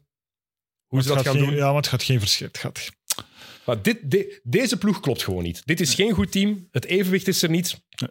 Ja, ze hebben nog altijd LeBron James en Anthony Davis. En, en heel veel supportcasts die, en, een, waar, soort, geen lijn, waar geen lijn is. en een soort Russell Westbrook. Ja. Ik durf niet zeggen, ja. Het is, het is heel raar. Ehm, moet ik daar nog iets over zeggen? Ja, waar ze wel naar kunnen uitkijken, de Lakers. Ze gaan opnieuw een speler zien die topscorer aller tijden wordt. Ja. Dat is denk ik de derde keer dat het gaat gebeuren. Maar er is een predicted date. Er is een predicted date. Hangt ervan af hoeveel hij speelt. Hè. Ja, ja. Als hij alle matches speelt, moet hij 16,2 punten per match scoren. ja, maar er is zo... Er is zo'n... eh, Denk ik in januari of zo, of in december Dan al, zou het moeten... dan zou het moeten gebroken worden. Hè. Dus eh, wat ook wel cool is. Dat is heel cool. Ja. Zeker omdat het een record is waarvan iedereen dacht, gaat nooit gebroken worden. Heel straf. Ja. Eh, is eigenlijk al topscorer aller tijden, als je de Als je de playoffs ja. Maar natuurlijk, de playoffs waren vroeger korter. Het was anders. hoeveel punten gaat? 39.000 en... Wacht. eh Damn. all leading score NBA is nu 38.387 punten. Reguliere seizoen alleen. Dat is zonder de playoffs. En LeBron heeft er nu 37.062. Hm. Maar dus, Lakers op 9. Jij als Lakers-kenner. Kenner. ik, wou, ik wou zeggen... Fan. Nee, ik wou, het, ik wou het iets subtieler zeggen. Geen fan, maar... dat? aficionado. Ja, aficionado. Zeg je dat in het Nederlands? Ik vond er geen woord voor. Ja. Kan je daarmee leven met de negende plaats en ben je het daar echt objectief gezien mee eens? Ehm, ik ben het daar objectief gezien mee eens. Word ik daar heel vrolijk van? Nee. Eh, word ik van de Lakers vrolijk de voorbije eh, jaren? Nee. Zelfs de Bubble Championship, dat, pff, dat is toch niet hetzelfde? Ehm, dus eh, Ja, we gaan de vraag kunnen stellen naar dit seizoen. het is bijna rock bottom. hè. Heeft Anthony Davis, is hij door het ijs gezakt? Ja of nee? Johan gaat het ons mogen zeggen na dit seizoen. Nee. Maar eh, ja, ja, natuurlijk, eh, hoe lang gaat LeBron nog mee? Hè? Ja. Want als Lakers-fan, ik ben geen LeBron-fan, dat weet je. Ik ben een Lakers-aficionado. Eh, dus, eh, Liefhebber, ik kan niet, wa- ik tuurlijk kan niet liefhebber. wachten op de volgende generatie eigenlijk. Liefhebber, dat wilde ik zeggen in plaats van fan. Oké, de volgende, nummer 8. Dit, vond ik de dit vond ik effectief de moeilijkste keuze van allemaal, de nummer 8. Want, ik ga meteen de vier minuten al starten. Ik ben het er eigenlijk niet mee eens dat ik zo zelf op, op 8 zet. Nee, maar ik zal zeggen waarom. Maar er zijn gewoon te veel dingen gebeurd qua blessures daar, die gewoon nu al vaststaan, waardoor ik ze zo laag zet. Het zijn de Memphis Grizzlies. Want Oei. ja, het is, Kerkhoffs gaat niet content maar zijn. ik ben zelf niet content, want ik vind het een ploeg met een geweldige cultuur, geweldige mentaliteit, de ploeg van de toekomst. Maar goed, ik ga- zal eerst de cijfers overlopen. Vorig seizoen 56 en, eh, zeven- 56 en 26 waren tweede in het Westen. In de tweede ronde verloren van de Golden State Warriors met 4-2. Volgens Vegas wel 48,5 overwinningen. Daar vertrokken Kyle Anderson, gaan ze voelen, DeAnthony Melton, Ook pijnlijk. En dan Jared Culver, eh, Tyrell Terry en Yves Pons. Dat is minder erg. Eh, de aanwinsten zijn Danny Green, Jake LaRavia, dat is een 19e pick uit Wake Forest. Rookie David Roddy, de 23e pick uit Colorado State. Ehm, Kennedy Chandler, nog een rookie, 38e pick uit Tennessee. Vincent Williams, dat is de 47e pick uit VCU. En dan een paar undrafted rookies, Justin Bean en vooral Kenny, Kenneth of Kenny Lofton Jr. Dat is een hele toffe speler. Verwachte starting five. John Morant, Desmond Bain, Dylan Brooks, Brandon Clark, Steven Adams en dan six-man Zaire Williams of Tyus Jones. Headcoach is Taylor Jenkins. En er is één naam die ontbreekt in de starting five en dat is de reden dat ik ze hier pas gezet heb. Triple J, Jalen Jackson Jr., die is geblesseerd en het is onduidelijk hoe lang hij oud gaat zijn. Het kan een maand zijn, maar het kan ook vier tot vijf maanden zijn. En als je zijn blessuregeschiedenis bekijkt, dan lijkt het Vrees meer naar het laatste te neigen. Vrees Ja. ervoor. En hij is de leider van die defense. Was kandidaat Defensive Player Ja, is, vorig is- jaar. is zo impact. Hij is- heeft zoveel impact. Dat is echt niet normaal. Ehm, hoe, Mhm. Als hij goed is, dan is je team goed. En dan mag John Moran doen wat hij wil. Eh, de, hij, hij maakt het verschil hè, tussen, tussen contender eh, of semi-contender en... eh, En gewoon playoff ploeg. Ja, en, Ja. eh, en achtste. Ja. Waar, waar heb je Achtste nu, ja. Achtste. Het is, het is met Ja, tegenzin. Hè? Ik, doe het echt, ik wil ze hier niet zetten. Ik volg wel. Ik volg Ook wel. Ja- Jamorant. Het blijft Jamorant. En elke keer als hij naar de ring gaat, hou ik nog altijd mijn hart vast. Daar hebben we het al over gehad in het begin van zijn rookiejaar. Die heeft En- zoiets plastic-achtig. Hè? Die, Maar ook, hij, hij mist wel elke keer matchen in de playoffs. ja. Op het einde was hij er niet meer bij tegen Golden State. Nee, vorig jaar, hoeveel waren ze? Ze waren 21 en 4 zonder Morant vorig jaar. Gaan ze dat nog eens kunnen doen? Ja, in de playoffs is het niet gelukt zonder hem. Ik heb zoveel vragen bij deze ploeg en Hmm. ik zet ze hier echt dik tegen mijn zin. Maar omdat ze die cultuur daar gecreëerd hebben, hun geloof in eigen kunnen is gigantisch. Ja. En super cocky, maar op een En toffe zijn manier. papa ook. Ja. ik stoor me daar minder aan, aan papa Morant. Ja, Ik heb heel veel vrienden die zich daar enorm aan storen. ik vind het altijd grappig, want die lijkt zo jong. dat is echt zo van... Wie is dat eigenlijk? En dan, dan, dan- ah ja, dat is zijn vader. Ja. Eh, maar die is ook nog jong, hè? Die heeft gewoon... eh dat hij ook maar 40 is of zo. LeBron James Jr. is 18 hè, geworden. LeBron is nog geen 38. Dus Ja. om maar te zeggen, Ja. sommigen beginnen er vroeg aan. Ik denk dat Eden Hazard al drie kinderen had toen hij 23 was. Ja. Eh, Die, die, die atleten, hè? hoe oud was jij? Bijna 30 zeker. Oké, kijk, Dus, Sava. eh, nee, Ehm, 30, zelfs meer. Dus eh, even gewacht. Kan Desmond Bain nog een stap zetten? Ik verwacht van wel. Dat zou een verschil kunnen maken. Dylan Brooks, hoe gaat zijn jaar, tweede jaar als, op, bij een ploeg zijn waar wel verwachtingen bij zijn? Ehm, en ja, Jamorant. Ik hoop dat hij eens een heel seizoen fit kan blijven, maar ik vrees daarvoor. Dus daarom op acht. Zaire Williams, hou die in de gaten. En Kenny Lofton Jr. Ja, Wat een gigantische pick-up. Dit was, ook, was hij niet de MVP toen op het WK U19? Ja. Ja, hè? Toen het jaar... Ik weet niet wie MVP was. Was hij MVP? Hij was, hij in de finale was hij alleszins de beste. Toen, Ah. Hij heeft Team USA naar de overwinning geleid. Ik weet niet of hij MVP was. Ik denk van wel. En normaal ging Gilles hier ook bij zijn. Meulemans, de nieuwe jokken eigenlijk, om het Ah, zo te oké. zeggen. Maar die moest jammer genoeg werken vandaag. Oké. Dus daarom nog geen Google, man. Ehm, En, ja, en daarmee moeten we ons behelpen met Stijn. ja. En Stijn gaan we daar Stijn niet doet het super. supergoed, maar Stijn kent enkel iets van volleybal. Eh, Oké, goed. Achtste plaats voor Memphis. Pijnlijk. Volgende plek, nummer 7. De New Orleans Pelicans. Vorig seizoen 36 en 46. Negende yes. in het westen. Eh, eruit in de eerste ronde tegen Phoenix met 4-2. Volgens Vegas 44,5 overwinningen. Afscheid genomen van Gary Clark, Tony Snell en Jared Harper. Nieuw zijn Zillen Cheatham, Dyson Daniels, dat is de achtste pick van dit jaar uit de G-League, van de G-League Ignite. En dan een paar undrafted rookies zoals John Pitti Jr. en John Butler. Verwachte starting five. CJ McCollum, Brandon Ingram, Herb Jones, Zion Williamson, Jonas Valanciunas. En van de bank de twee grootste namen, de twee eerste mannen die van de bank gaan komen, Devante Graham en Larry Nance Jr. Headcoach is Willie Green. Eh, over, een, over, wingspan, over wingspan gesproken, deze starting five, Die hebben wel wat wings. team wingspan, hè?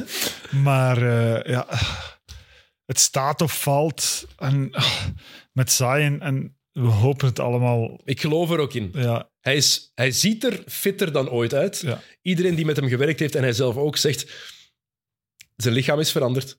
Hij is klaar. Hij is echt fit. Ja, maar Hij is explosiever en sneller blijkbaar. Als dat allemaal waar is. Als hij nog explosiever is... Maar de vorige jaren, toen hem echt op het randje stond van comebacks, dan zag je gewoon dat daar nog 20 kilo te veel aan hing. Ik snap dat eigenlijk ergens niet dat dat kan hè, en dat dat getolereerd wordt. En we hebben het in de Eastern Preview ook over James Harden gehad. Hè, die is ook fitter dan ooit. Ja, hoe kun je nu zo out of shape geraken zoals die mannen soms doen? En ik had dat gevoel bij Zion ook. Oké, je bent ge- geblesseerd. Oké, het is moeilijk om die shape te houden. Maar wees dan een beetje gedisciplineerd. Hoe lang heeft dat nu allemaal geduurd? Maar Ja, het heeft veel te lang God, geduurd. please, laat het nu echt deze keer het juiste moment Ja, want we Want we, wil- zitten er zo lang op te wachten. We willen het ook, We hè? willen ook dat het gebeurt, dat, dat hij, dat, eh, dat hij eh, lives, lives up to expectations. Ja. Hoe zeg je dat hij alle verwachtingen kan inlossen die we al hebben sinds hij, sinds hij bij Duke eh, alles kapot speelde. Dus laat het alsjeblieft dit jaar gebeuren. Ja, absoluut. Heel En je gunt het New Orleans ook, want uiteindelijk wordt daar goed gewerkt. Maar ja, het is zo zich vastklampen aan Zion in de hoop dat het gebeurt. En zolang dat je dat niet weet, kan je eigenlijk als, als franchise ook zeer weinig doen. Ja. Ze hebben nu met Ingram en McCollum hebben ze ook wel... Als je daar Zion kan bijzetten, dan... En dat werkt. Ik, dat- ik ja. geloofde er niet in toen, McCallum, toen ze voor McCallum traden. Ja. Maar het werkte. Ja. Ingram was fantastisch tegen Phoenix Ja. vorig jaar in de playoffs. Ehm, en nu is Zion daarbij. Er is trouwens een gewichtsclausule in zijn contract. 140 kilo. Ja, maar het zou wel over veel geld gaan. Ja, ja maar Dus- hoeveel staat ze? Dat heb ik, die details weet ik niet. Ja, Maar er is een gewichtsclausule. wel geniaal. ik heb wel nog met spelers gespeeld met gewichtsclausules in hun contract. Ja, ja. Dat is maf. Soms is dat noodzakelijk, Ja, blijkbaar. denk ik. blijkbaar. Ehm, Bij mij was het aan de onderkant. ik mocht niet minder wegen dan... jij, jij moest eten. Wel, een goede clausule, goede clausule wel voor jou. Eh, Je moet eten. Nee, nee, maar ik moest eten om eh, op gewicht te blijven toen ik nog speelde. Eh, wie gaat de eerste optie daar zijn in offense als Zion effectief full-on Zion is? Gaat het Ingram blijven? Gaat Williams in de eerste optie zijn? Gaat er geen eerste optie zijn? Mijn gevoel zegt dat er geen... eer- Dat, dat is een one-two-three punch. Daar moet geen eerste optie zijn. Dat is Zion, Ingram ja, en McCallum. ja, dat lijkt mij logisch. McCallum heeft al bewezen dat hij dat kan. Eh, Ingram kan dat eigenlijk ook. Eh, en Zion is, eh, ja, speelt op een positie en heeft ook niet de game om een, om een, om een pure go-to guy te zijn. Zion is gewoon... Ja, die, die is omnipresent eh, en die gaat... en die gaat gewoon eh 20, 20 en 12 averages zonder dat hij eigenlijk een eerste optie moet zijn. Ja. Willie Green kan wel heel creatief zijn met zijn line-ups. Heel Ja. veel mogelijkheden, want je kan Zion ook als small ball 5 gebruiken. Ja. Je kan Herb Jones daar zelf zetten. Eh, Herb Jones en zijn Ja, armen. plus, ja, als het gaat als je- over een wingspan, Herb je- Jones. En als je die twee, ja, als je die twee guards hebt, ja, daar kan je ook van alles mee. Ja, Dus Graham van de bank. Je hebt zoveel manieren, ook zoveel opties. Ik vind het ook een goede coach trouwens. Ja, ik ook. Ik vind hem echt... Ja. Maar er zijn ook heel veel verschillende manieren van spelen die mogelijk zijn voor deze ploeg. Ik denk dat Willie Green, hij kan kiezen voor een bepaalde halfcourt offense ehm, met een traditionele creator, want ze hebben geen echte point guard. Hè? Ingram gaat vooral de creator zijn. Point Zion heb je ook nog altijd die er kan zijn. Dit is een ploeg, als je League Pass hebt, op een random avond, ik denk dat dit een ploeg is die je heel vaak even gaat checken. Met een gezonde Zion, wel is ja, waar. absoluut. Anders ook, maar minder. Iets minder. Ehm, Dyson Daniels, rookie, gaat heel goed worden. Stevige kerel, 6 foot 8, leuke speler. Je hebt ook nog altijd Alvarado. Heb je dat nu gelezen? Ja, Alvarado, dus de anti-Chris Paul. Ik ben, ik, ben Eh, versla- ik ben verslaafd aan de draft. Ik vind het fantastisch. Ah, oké. Dus voor de draft is YouTube mijn beste vriend Want om heel veel clipjes te ik zien. check de draft, maar het is niet zo dat ik elke speler uit de draft hele wedstrijden van gekeken Nee, heb. En heel, Hele wedstrijden, eh, ja. nee. College heel af en toe. Vorig jaar te weinig. Maar gewoon heel veel highlight blokjes van, van, van spelers bekijken en analyses lezen. De, de eerste ronde. Hè. De eerste, zeker de lottery vind ik altijd heel tof om te checken. En dan kijken wie er onderaan valt en wie in high school zo'n top prospect was. Je vind ik ook altijd De interessant. coolste job ter wereld. Het ding is, voor basketbal word ik niet betaald. Ah. Dit is, Ik dit is wist dat dat kwam. hobby. Je- je- ik gooi een visje en je, en je beet. Absoluut. Ehm, wat moest ik nog zeggen? Eh, Alvarado komt ook Ja. van de bank. De man die Chris Paul vorig jaar gebroken heeft. Vorig seizoen gebroken heeft. Ehm, en de MVP van het EK zit daar ook. Hè? Willy Hernan Gomez, eh, juist. die zit daar ook nog. Ik weet zelfs niet of die minuten gaat krijgen in deze ploeg. Ja, die gaat wel iets krijgen. De, maar dat is de dat MVP van het EK. ja, en die, die, was gaat daar echt zo goed. ja, Die was echt heel goed. op een EK waar Janis Antetokounmpo speelde. Luka Doncic, Nikola Jokic, Dennis Schreuder, Frans Wagner. Ik kan blijven gaan. Hij was de MVP. En nu gaat hij misschien 10 minuten per match krijgen. Zijn broer was trouwens on fire in de finale. Oh. Daar, hebben, we- daar, hebben daar hebben we het niet over gehad eh, toen het over het oosten ging. Maar Dat- ja. die was, dat was echt nog eens... eh, dat was lang geleden dat ik iemand gezien had die zo eh, even warm had. Dat je wist ook echt, bij elke bal die hij gooide, wist je ook, Ja. oh ja, binnen. echt... Het was bijna zonder kijken. maar goed, hij was ook supergoed in de finale. En was wel een verdiende MVP. Ja. Ehm, kijk, heel brede kern, maar het succes gaat allemaal samenhangen met de gezondheid van Zion Williamson. Ehm, het gaat heel interessant worden. Oké, dat waren de play-in ploegen. Nu de automatische playoff ploegen. Nummer 6, de Minnesota Timberwolves. Vorig seizoen 46 en 36, zevende in het westen. Eruit in de eerste ronde tegen de Grizzlies met 4-2. Ehm, en natuurlijk de play-in kampioen. Denk aan de viering van Patrick Beverly vorig jaar. Eh, volgens Vegas 48,5 overwinningen. Daar vertrokken Malik Beasley, Patrick Beverly, Leandro Bolmaro, Jake Lehman, Greg Monroe, Josh Okogie, Jared Vanderbilt en McKinley Wright IV. Ehm, nieuw Kyle Anderson, Rudy Gobert, Austin Rivers, Eric Pascal, Luca Garza, Bryn Forbes, PJ Dozier, CJ Ellaby, de 26e pick uit de draft dit jaar, Wendell Moore Jr. van Duke, goede pick-up, en Josh, Josh Minott, de 45e pick van Memphis. Verwachte starting five, D'Angelo Russell, Anthony Edwards, Kyle Anderson, Carl Anthony Towns, Rudy Gobert, sixth man, ofwel Bryn Forbes of Jaden McDaniels. En headcoach is Chris Finch, voormalig Belgisch landskampioen. Blijft knap dat En daar- BFF van Nick Nurse. Ja, inderdaad. Ehm, ja, deze ploeg. Kan, top vier, het kan top 4 worden zelfs hoor. Cat en Gobert. Ja, maar het ding, kijk, waarom ik ze op 6 heb gezet, zeker in de playoff plaats, is niet voor een van die twee zelfs. Anthony Edwards. Hmm. Ik denk dat hij dit jaar de stap gaat zetten naar, naar bijna superster. Ja, maar gaat dat, gaat dat werken? Dat was eigenlijk waarom ik Cat en Gobert zei. Van, oké, Gobert kan je in elk team kwijt. Dat gaat werken. Die gaat niet, ja, die, dat deed hij in Utah ook niet. Dat hebben we ook op TK gezien. Die, dat, dat is niet de speler die je 18 punten gaat geven. Die gaat je 12 en 15 rebounds. En defensieve Ja, aanwezigheid. en defensieve aanwezigheid geven en impact. Ehm, dus dat- ja, dat, dat is een hele dure... Het is wel een all-in team, hè. ja, Eh, volledig al ingegaan. dus eh, als je daar dan zesde mee wordt, kan je daar dan blij mee zijn? Dat weet ik niet. Eh, Ehm, ze, hebben vier, wel... ze hebben vier picks, om even in te pikken op je al-in eh, opmerking. Ze hebben vier picks opgegeven. Eén swap, de pick van dit jaar, Walker Kessler. En Leandro Balmaro, first round pick van daarvoor.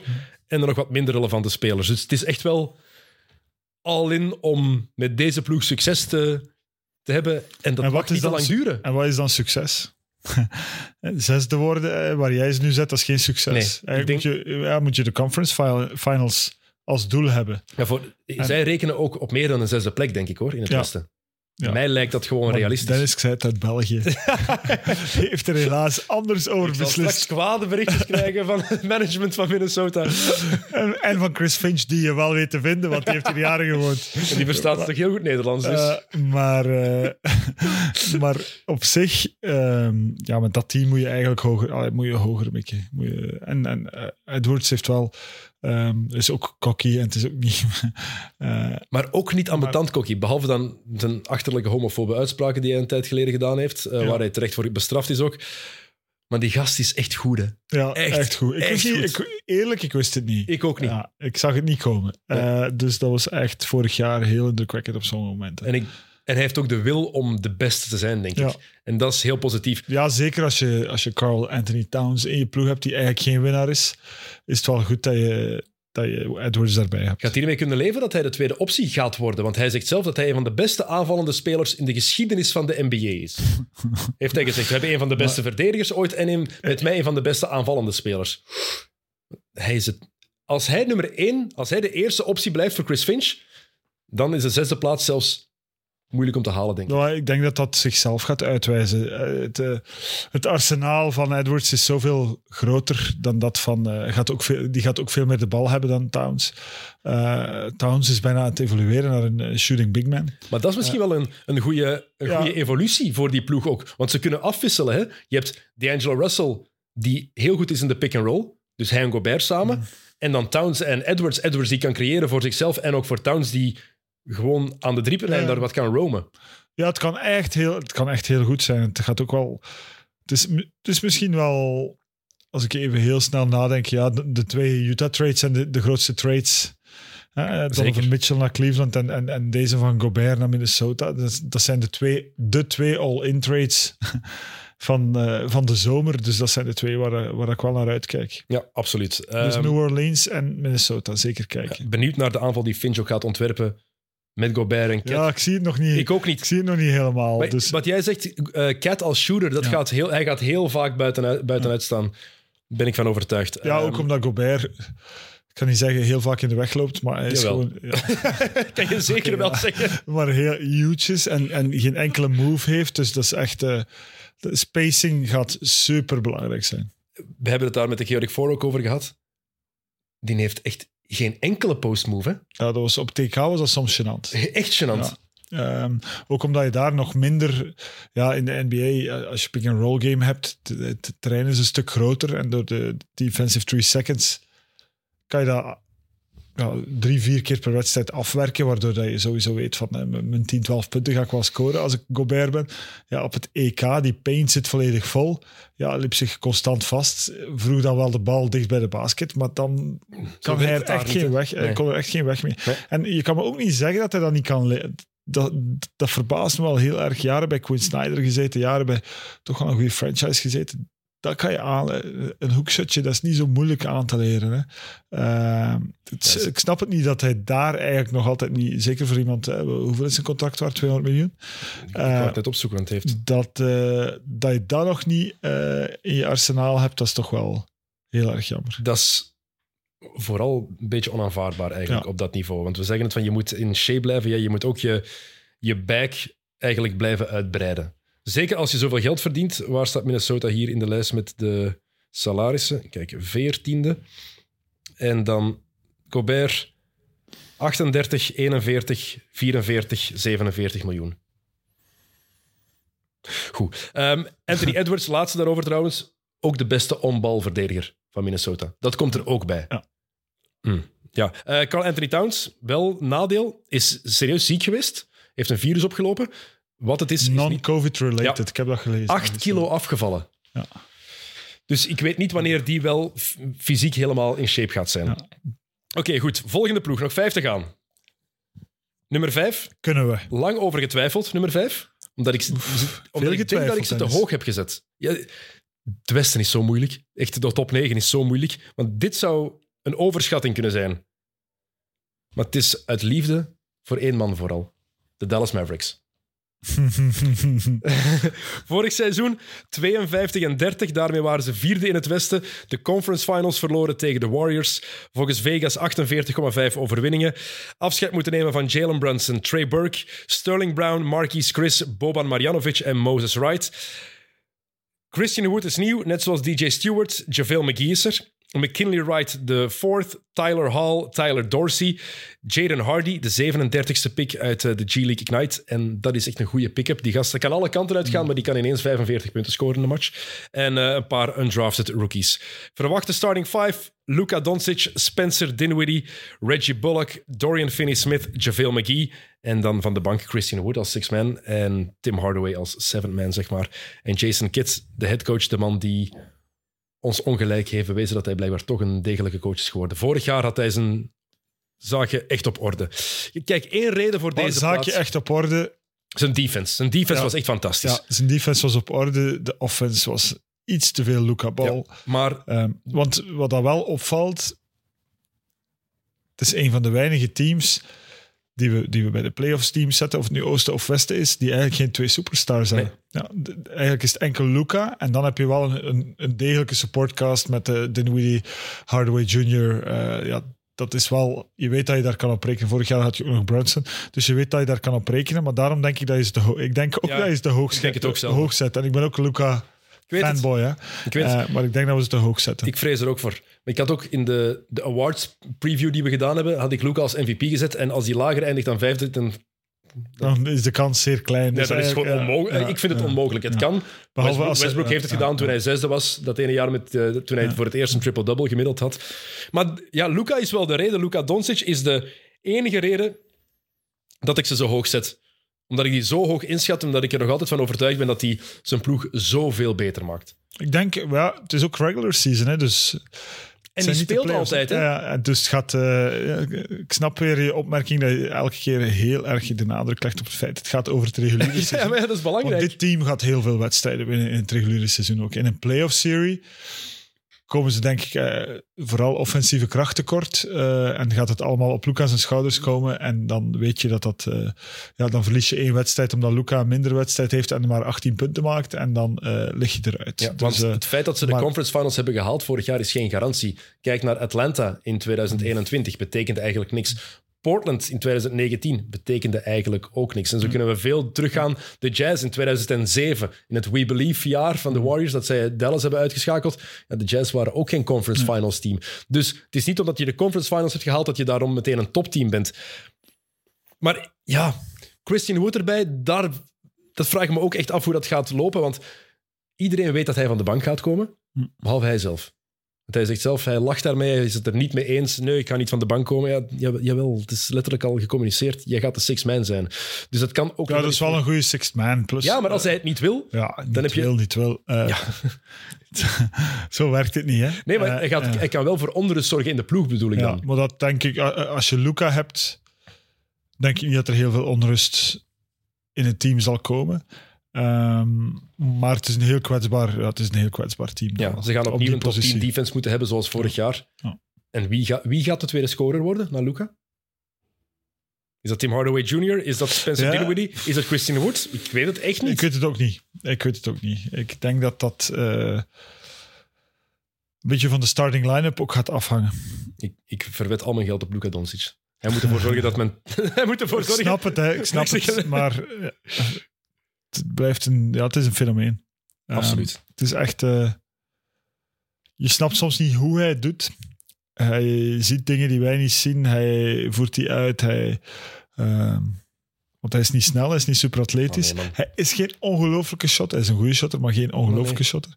En hij outsmart. Ja, hij, hij, hij- hij- hij gebruikt en misbruikt het spelletje zoals niemand anders dat Voor, kan. voor mij, ik vergelijk het altijd met iemand die 20, 25 jaar prof is geweest en dan nog eens mee gaat ballen met de maten of gewoon op een pleintje nog eens gaat basketten en die eigenlijk niet meer mee kan, fysiek, maar wel iedereen afmaakt gewoon omdat hij zoveel bagage al heeft. Ja. Alleen Luka Doncic is nog maar 23, is Ja, hij 24? 23, denk ik. Ja.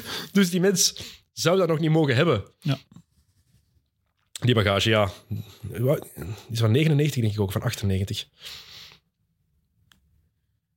Ehm is van 99, Jee, 23 jaar. Onwaarschijnlijk. Oké, goed. Dus Dallas op 5. De top 4. Het wordt alleen maar moeilijker nu, hè. Op 4 de Phoenix Suns. Oké, maar we zijn het erover eens dat Dallas te hoog stond. Ik denk het wel. Oké, Maar goed. ik ben wel van overtuigd dat nummer 5 kan als Luca een wonderseizoen heeft. Wie hadden we nu weer op zes? Ja, Minnesota. Ja.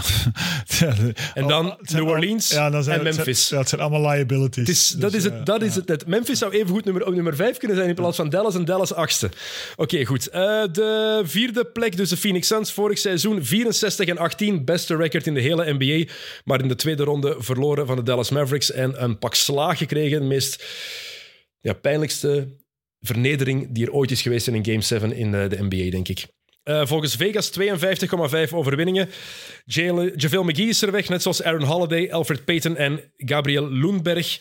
Damian Lee is naar Phoenix, net zoals Frank Jackson, Jock Landale, Timothée Luau Cabarro, Josh Okogie en Dwayne Washington Jr. De starting five. Chris Paul, Devin Booker, Mikael Bridges, Cameron Johnson en DeAndre Ayton. En de sixth man is Dario Saric, want die is eindelijk weer fit. En Landry, Landry Shamet zou ook als eerste van de bank kunnen komen. Headcoach is Monty Williams.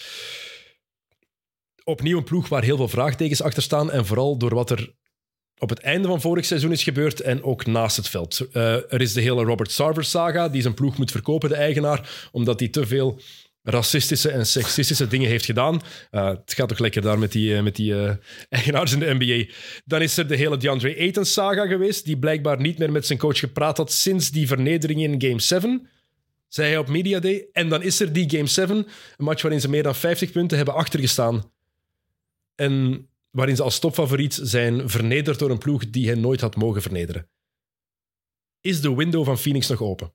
Maar de window van Phoenix hangt voor mij heel erg samen met, met Chris Paul. En eh, ja, het gaat, denk ik, het jaar te veel.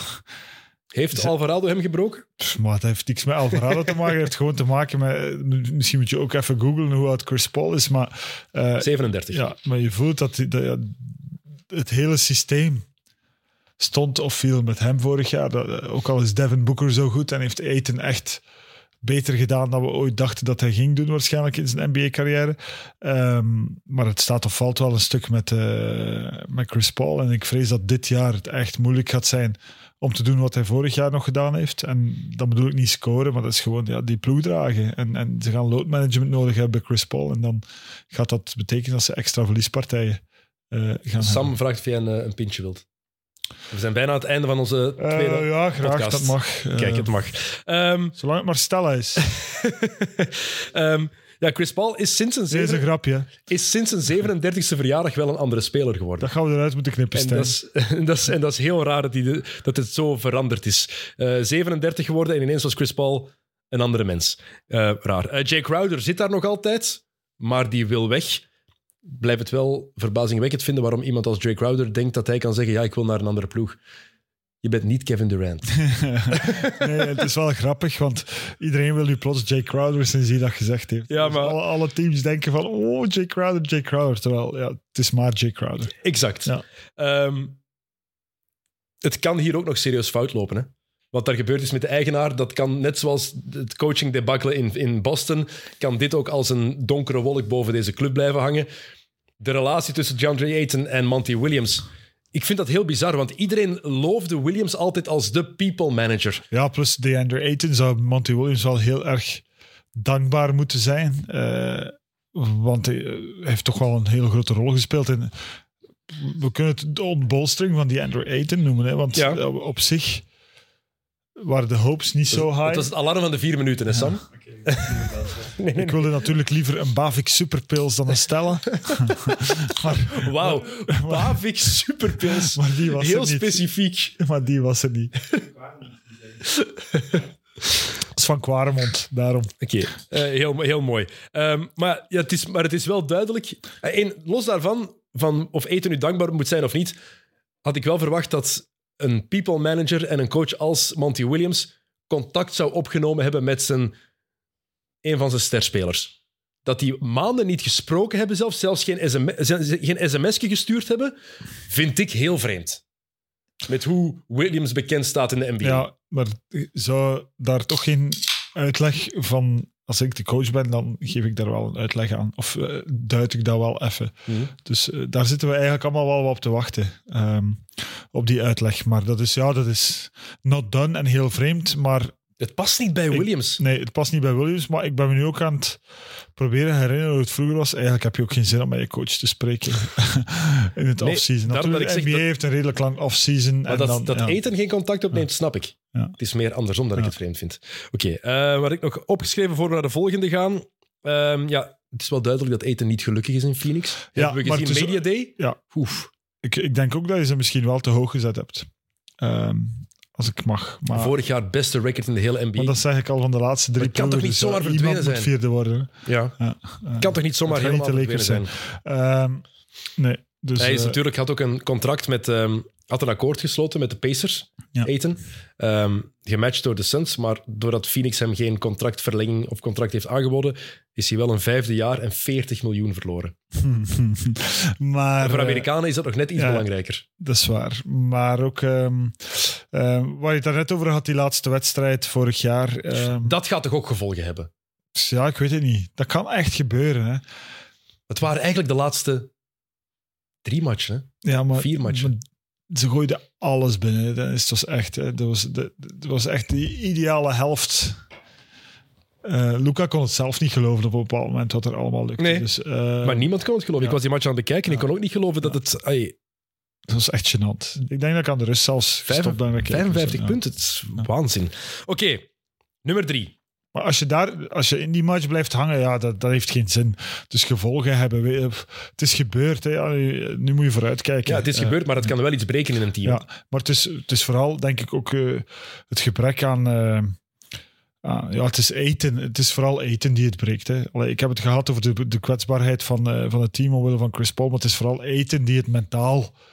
Ja, en, en, en, en het strookt ook wel met wat, wat we denk ik van hem denken en hoe we hem inschalen eh, qua persoon eh, dat dit nu gebeurt. We hebben het zelfs nog niet over Devin Booker gehad. Ja, maar, d- tijd maar voor Devin. Booker is een, is een certitude, denk ik. Hij gaat nooit meer beter worden. Hij heeft een plafond. Mhm. Maar in zo'n systeem, ja, pff, heeft, heeft toch wel iets eh, dat heel weinig anderen hebben in de NBA. Oké. Het scorend vermogen van Devin Booker wordt niet door... Ja, ik denk dat er geen, geen vijf spelers zijn die hetzelfde scorend vermogen Nee, hebben. mogelijk. Maar ze teren natuurlijk wel heel hard op hun midrange shooting met Booker en met Chris Paul. Ja. Ik denk dat dat nog wel een beetje meer gaat evolueren. Dat Booker nog meer naar zijn driepuntshot gaat moeten gaan, denk Ja. ik. Ehm, nummer drie. De op papier misschien wel beste ploeg van de hele NBA. De LA Clippers. De winnaar... Als we praten over liabilities, ik snap Ja, ik weet het. Daarom, ik, daar, ik zeg toch ook op papier? Ik, ik snap waarom dat je zegt dat vanaf negen heel moeilijk is. het is toch niet normaal, hè? What the hell Ja, eigenlijk? I know, Ja. I know. Maar Dus als, we hebben het net gehad over, over Aiton en Paul. We hebben het al gehad over Zion. We hebben het al gehad over Luca die alleen is. Nu moeten we het ook nog eens over Kawhi Leonard hebben. En Paul George. Ja. En John Wall. Ja. Goed, eerst de cijfers. Vorig seizoen 42 en 40 achtste ehm, in het westen, maar wel de plane verloren van de Pelicans. Volgens Vegas 52,5 overwinningen. Dus nummer 2 in de hele NBA volgens, eh, volgens Vegas. Isaiah Hartenstein is weg, Rodney Hood is weg en Jaden Scrub. Moses Brown is nieuw, net zoals John Wall, Joan Morgan en rookie Moussa Diabaté, de 43ste pick uit Michigan. Verwachte starting 5. Reggie Jackson, Paul George, Kawhi Leonard, Nicola Batum en Ivica Zubac.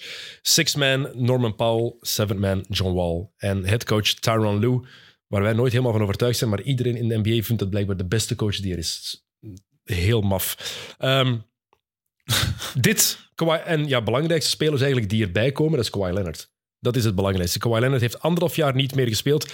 Zijn laatste matchje was in eh, de playoffs van 2021 tegen Utah.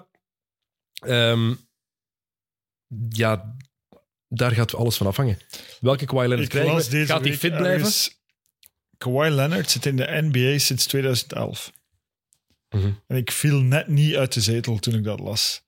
Omdat je hebt het gevoel, Kawhi Leonard, daar hebben we het beste niet van gezien. wanneer gaat hij in zijn prime komen? Wanneer gaat, eh, en terwijl dat eigenlijk gewoon een vertekend beeld is, want hij heeft een championship gewonnen met, eh, Ja. met, met Toronto en dan ook in met, eh, met San Antonio. Dus En met Toronto was hij in die playoffs wel ja, overduidelijk. en was hij superstar. Ja, ja, maar, maar we zijn dat eigenlijk bijna volledig kwijt. Het is, pff, wordt dat ooit nog iets? Want het is een hele tijd heel onduidelijk geweest. eh, wat er allemaal scheelde, nu is duidelijk. Hè? Dat is gewoon zijn knie. Eh, ja, daar, zijn, allee, daar, wordt, daar zijn geen geheim meer rond. Hè? Zijn knie is kapot. Eh, dus welke Kawhi krijgen we terug? Ehm, en dat is zo jammer. Hè? Behalve eh, zijn enigmatische persoonlijkheid, ja, gun, gun je het natuurlijk niemand. En ook, eh, ja, volgens mij is dit seizoen vier van Paul George met, met Kawhi Leonard. Ja. En we hebben zij nog nooit samen echt Nog nooit deftig, hè? goed zien spelen. Nee. Eh, waar we eigenlijk toen naar uitkeken, ik zelf in de eerste plaats. Ja, dat hebben we eigenlijk nog nooit gehad. Het, dus dat seizoen hadden, ze op, vier. we hè. hadden ze op één gezet in hun eerste Ja. jaar, hè? Ja. Dus, Met voorsprong op één ja. gezet. En dat is seizoen 4 en we hebben ze eigenlijk nog nooit te zien gekregen. Dus als je praat over het beste team op papier, ja, hè, je zit dan ook met John Wall, die eh, deze week ook nog, eh, denk ik, zich ehm, eh, liet horen met betrekking tot mental health. Hè, en eh, het struggelen met depression. Ja, hij heeft, zijn- Ja. had zijn Achillespees afgescheurd, had dan zijn moeder verloren, grootmoeder verloren. En hij zei van, ik heb gelukkig hulp gekregen, want Ja, ik heb, serieus aan, zelf, ik heb serieus aan zelfmoord Ja, gedacht. ik heb heel, ja, eerlijk toen heel veel heel suspicious filmpjes van social media eh, nog zitten bespreken, herinner ik mij. Dus eh, je kan ze op drie zetten, maar je kan ze even ook op tien zetten. Hè? Want als Kawhi niet speelt en eh, Paul George is, Ja. is een schaduw van zichzelf, wat hij de voorbije seizoenen Maar ik kan ze ook op één is. zetten. Want ze hebben ook Ja, ja. nog... Robert Covington is daar nog, Luke Kennard is daar nog, Terrence Mann loopt daar ook nog rond. Het is een heel brede kern. Ja, het is heel moeilijk in te schatten. En heel, ja, Maar ze heel hebben de beste coach in de NBA, dus gelukkig hebben ze die. ik, ik ben het er... Ja, Ik vind hem zo slecht. ja in-game aanpassingen. Blijkbaar is hij daar een meester in, volgens heel wat spelers die mee samengewerkt hebben. Ehm, het is heel moeilijk te voorspellen. Op papier heeft deze ploeg een super brede kern. Ze hebben twee absolute sterren. Met Maar Paul die George hebben en ze, wel, Leonard. ze hebben ze wel nodig. De sterren. Ja, ze Ja. hebben ze absoluut nodig. En ook het is afgebakend. Paul George heeft gezegd, Kawhi is eerste optie. Wat heel goed is voor zo'n club. Als ze, ze 65 matchen krijgen van Kawhi en van Paul George, dan kunnen zij nummer 1 worden in het Westen. Heilig van overtuigd. Zeker als Kawhi Leonard 90% van de speler is die hij op zijn toppunt was. Dat gaat wel moeten gebeuren ik dan. vrees ervoor. Ik heb er nog altijd wel vertrouwen in. Eh, John Wall, dat is goed als six-man. Ik denk dat hij zichzelf hoger inschat dan hij werkelijk is. Hij heeft de laatste vier seizoenen 72 matchen gespeeld. Komt niet meer goed. Daar vrees ik ook voor. Maar als, als ze die kunnen gebruiken, een kwartiertje per match. Clippers, wel- Clippers worden zesde in het Westen. Maar de beste versie van deze ploeg is fantastisch. Ehm, ze krijgen binnen... Ja, maar we zijn een beetje in het verleden aan het leven, denk ik, als we ze nu op drie zetten. Ja, maar leeft, Vegas leeft dan ook in het verleden. Ja. Goed. Maar Vegas zit er ook wel heel dikwijls naast. Ja, hè. ik weet het wel. Ik weet het wel. Ja, ik heb, ik heb nog altijd ergens vertrouwen. in- Misschien heb ik te veel vertrouwen in Kawhi. Ik denk... Heb je gezien hoe die eruit zag trouwens? Het is nog meer een monster geworden dan hij Ik vroeger heb was. wel highlights gezien. Wow, man. Echt, het is een benen. Ik, wil, ik zou die zijn benen eigenlijk naast die van Wout van Aert willen zien. Te weten hoe... Het is nog meer monster geworden. Ze krijgen trouwens een nieuwe zaal binnenkort in Inglewood, eh, normaal gezien. Ehm, en met het grootste scorebord ooit in een basketbalzaal. Eh, dat is het equivalent van 3592 60-inch tv's. Belachelijk. mensen, Maar- gaan, mensen gaan vergeten van naar het terrein te kijken. Iedereen gaat naar het scorebord die zit- kijken. als je daaronder zit, ben je gewoon verblind als je even omhoog kijkt. Oké, nummer twee. De laatste twee teams, Thomas. Ja, Nummer ben twee in het westen. De Denver Nuggets. Is het Golden State op één? Ja, Dennis toch. ik zal Eh, meteen overleggen waarom. Nummer 2, Denver Nuggets. Vorig seizoen 48 en, 48 en 34. Zesde in het westen, eruit in de eerste ronde tegen de Warriors met 4-1. Volgens Vegas 49,5 overwinningen. Afscheid genomen van Will Barton, Facundo Campazzo, DeMarcus Cousins, Bryn Forbes, Jamichael Green, Monte Morris, Austin Rivers en Marcus Howard. Dat is een hele boterham. Maar wel Bruce Brown aangetrokken. Hele goede pick-up. Kentavious Caldwell-Pope. Hele goede pick-up. DeAndre Jordan. Eh. Ish Smith, eh, Christian Brown, de 21ste pick uit Kansas. eh, Peyton Watson, de 30ste pick uit UCLA. En nog een paar undrafted rookies. De verwachte starting five. Dat is belangrijk. Jamal Murray, want die is weer fit. Eindelijk. Kentavious Caldwell-Pope. Michael Porter Jr., normaal gezien. Aaron Gordon, Nikola Jokic en van de bank de twee eerste mannen die van de bank gaan komen, Bruce Brown en Bones Highland. En Michael Malone is nog altijd de coach. Deze Nuggets weten wie ze zijn, dat is één. En het belangrijkste is, de grootste aanwinsten zijn spelers die er al waren. Michael Porter Jr. en Jamal Murray. Bij MPJ nog altijd vraagtekens, we weten nog altijd niet hoe goed hij hersteld is van die rug. Jamal Murray, dat zou... Dat is, Dat ziet er voorlopig goed uit. dat is gewoon even ritme vinden, denk ik. Ehm, natuurlijk, de Jamal Murray van de bubble, die gaan we nooit meer terugzien. Ik denk dat hij daar eh, zichzelf overtroffen heeft. ja, denk je dat? Ik denk niet dat dat zijn niveau was, want dat was te goed. maar eh, we waren daarnet trouwens bezig over eh, MVP's. want je hebt Dallas op vijf gezet omdat Luca MVP zou worden. Ja, eh, Denver was vorig jaar ook zesde. En, eh, dat is, maar ja, als je natuurlijk keek met wat voor spelers hij het heeft moeten doen, Nee, nee, dat is waar. Inderdaad. maar ook als zesde. ja, absoluut, heb je gelijk in. Ja. Eh, Als je dat met zo'n spelers kan doen, Ja, ja, dat is waar. Dan- Als je 48 matchen kunt, kunt winnen. Jordan heeft het ook één keer als gekregen zelfs. Zijn eerste rookiejaar in 88 waren de Bulls ook maar zesde.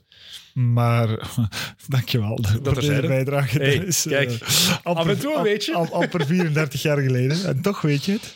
Eh, maar eh, nee, de Denver, ja, pff, ik denk dat wat hij zegt, is, ze weten wie ze zijn. Hè. Ze zijn, als je praat over regelmaat en terugvallen op, op, op, op een systeem. En, en, ja, en ik denk dat Jokic gewoon eh, daar de rots in de branding is die een statline geeft waar je kunt rondbouwen. En als je dan inderdaad een gezonde Jamal Murray en Michael Porter Jr. hebt, ja, dan dat, dat, dat is een garantie op minstens een top 3 plaats. Dus ik volg wel eh, waar je ze zet. En Murray is nog altijd maar 25 jaar. En ook Murray, Gordon, ehm, Porter en Jokic, de Big Four daar eigenlijk, die hebben in totaal 117 minuten samen op een veld gestaan. Dus we kunnen nog in geen 100 jaar inschatten wat die vier effectief Ja. samen kunnen betekenen. Het is ook een, naar mijn aanvoelen, echt regular season team. Eh, Hm? ook als ze helemaal gezond zijn, dan denk ik dat daar in de playoffs wel meer mogelijk is, eerlijk gezegd. Hangt er ook vanaf natuurlijk tegen wie ze uitkomen. Hè. Alles is matchups. Golden State bijvoorbeeld was de slechts mogelijke matchup voor Denver afgelopen seizoen. Ja, Maar ik volg wel... eh, dat je ze- ik volg echt wel dat je ze tweede zet voor één keer. dankjewel. Ja. Ehm, vorig seizoen Ik was ze... heel benieuwd. dacht dat je ze misschien zelfs eerst... eh, jou kennen, dat dacht ik dat... Ik heb getwijfeld. Ja, ja, ik dacht het. Eh, vorig seizoen waren, hadden ze de op vijf na beste aanval. Dat moet nu veel beter zijn. Ja. Met Murray erbij, met Porter er mogelijk terug bij. Ehm, Bruce Brown en KCP zijn heel goede aanwinsten. Zeker. Ehm, Brown is... Ik snap niet dat Brooklyn die heeft laten gaan. Zo'n nuttige roleplayer die alles wil doen in functie van de ploeg. Zet je mij op de 2, goed, zet je mij op de 4. Is niet erg. Small ball 5. Ik ben maar een meter 92, maar tuurlijk. Ja. Zet me daar maar. Dus dat vind ik echt eh, heel goed. Ehm, en als Jokic vorig jaar een ploeg naar 48 overwinningen heeft kunnen leiden, wat dan dit jaar? Als hij dat... Als, Hoeveel is de over- de over-under van de Vegas? 49,5. Ja, dat is wel een heel rare. Altijd over, toch? Ja. Altijd over. Ja. Dus eh, Jeff Green zit daar trouwens Als ook nog altijd, op één team geld moet inzetten, Ja, is dat de Denver Nuggets. helemaal mee eens. Ja, Dennis heeft gezegd, hè, ik, eh, ik niet, hè, maar, Ik geef jou gewoon gelijk, maar, eh, maar dat zou ik nu ook wel nog durven zeggen, dat die meer dan eh 50 matchen gaan winnen. En Bones Highland. Ja. Echt, hou, hou die gast in de gaten. Als je vorig jaar Denver niet veel hebt zien spelen, Bones Highland is een toffe speler. Oké, de laatste. De nummer 1. De Golden State Warriors. De titelverdediger heb ik op één gezet in het Westen. Nog even... ben- Hier kon... Ik heb zoveel gegoocheld met wie ik waar moest zetten in het Westen omdat er zoveel vraagtekens overal zijn, zoveel twijfels. Maar Ehm, hier, hier misschien de minste twijfels, waardoor je ze op één er, zet. er is nogthans, pas heeft iemand bijna zijn gezicht gebroken, waardoor er twijfels zijn. Ja, dat komt wel goed. Eerste cijfers. Vorig seizoen 53 en 29, derde in het Westen, maar wel de NBA-kampioen. Volgens Vegas 51,5 overwinningen. Daar vertrokken Gary Payton II, Nemanja Bjelica, Damian Lee, Chris Chiozza, Otto Porter en Juan Toscano Anderson. Nieuw Di- Dante DiVincenzo, Jamichael Green, Jerome Robinson, Patrick Baldwin Jr., 28e pick eh, uit de Universiteit van Milwaukee en kan een van de grote steals van de draft worden. En Ryan Rollins, de 44e pick uit Toledo. Verwachte starting five. Stephen Curry, Klay Thompson, An- Andrew Wiggins, Draymond Green, Kevon Looney, six-man Jordan Poole, headcoach Steve Kerr. Hm. Goed, eh, we moeten meteen het belangrijkste benoemen. Hè. Draymond Green heeft geprobeerd om Jordan Poole zijn gezicht te breken. Niet normaal. Ge- Want Echt niet normaal. een gevecht tussen ploegmaats kan gebeuren, maar... Maar was ik, was ik Jordan Poole geweest, ik had nu wel niet weggekeken. Ik was wel even blijven kijken naar Draymond Green. Want het feit dat hem zo hard raakt, is ook omdat, omdat Poole eigenlijk denkt van oké, Ah, Poole komt goed weg, hè. die duw is nu... Ja, ik zag gisteren eh, een highlight van Poole in de, in de, in de, een niet normale highlight, als je dat kan, eh, die- opzoeken met die Bob Cousy en volledig zijn verkeerde voeten. Eh, Echt niet normaal. Ik denk dat Kevin Durant het gerepost Ja. heeft, dus ga naar de Twitter van Kevin Durant. of Waanzin, die, waanzin, die move. waanzin. Dus Jordan Poole is nog steeds onder de levenden en kan nog altijd basketten.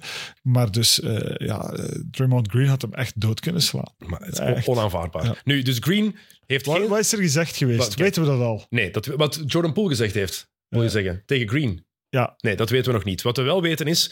Dus Green heeft gezegd dat hij heeft zich verontschuldigd. Dat is het, want bij voor Draymond Green... Draymond Green is dat al... Hij had een- even een goed heel- zijn, ja. op zijn eigen podcast kunnen, achter zijn eigen microfoon kunnen gaan zitten, een hele uitleg geven over ik, het is allemaal niet mijn schuld en dat online zetten. Dat had perfect bij Draymond Green gepast dat hij de schuld had weggestoken of weet ik En veel zich wat. zeker niet geëxcuseerd had. Dus als Heeft hij wel gedaan, heeft de schuld op zich genomen, heeft zich verontschuldigd bij Jordan Poole, zijn ploeg, de club, bij de familie van Jordan Poole, heeft het boetekleed aangedaan. En terecht. Laten we dat heel duidelijk maken. En terecht. Heeft zelf beslist om een paar dagen weg te gaan van de, van de ploeg. Nu hebben de Warriors, Warriors beslist, we gaan hem niet schorsen.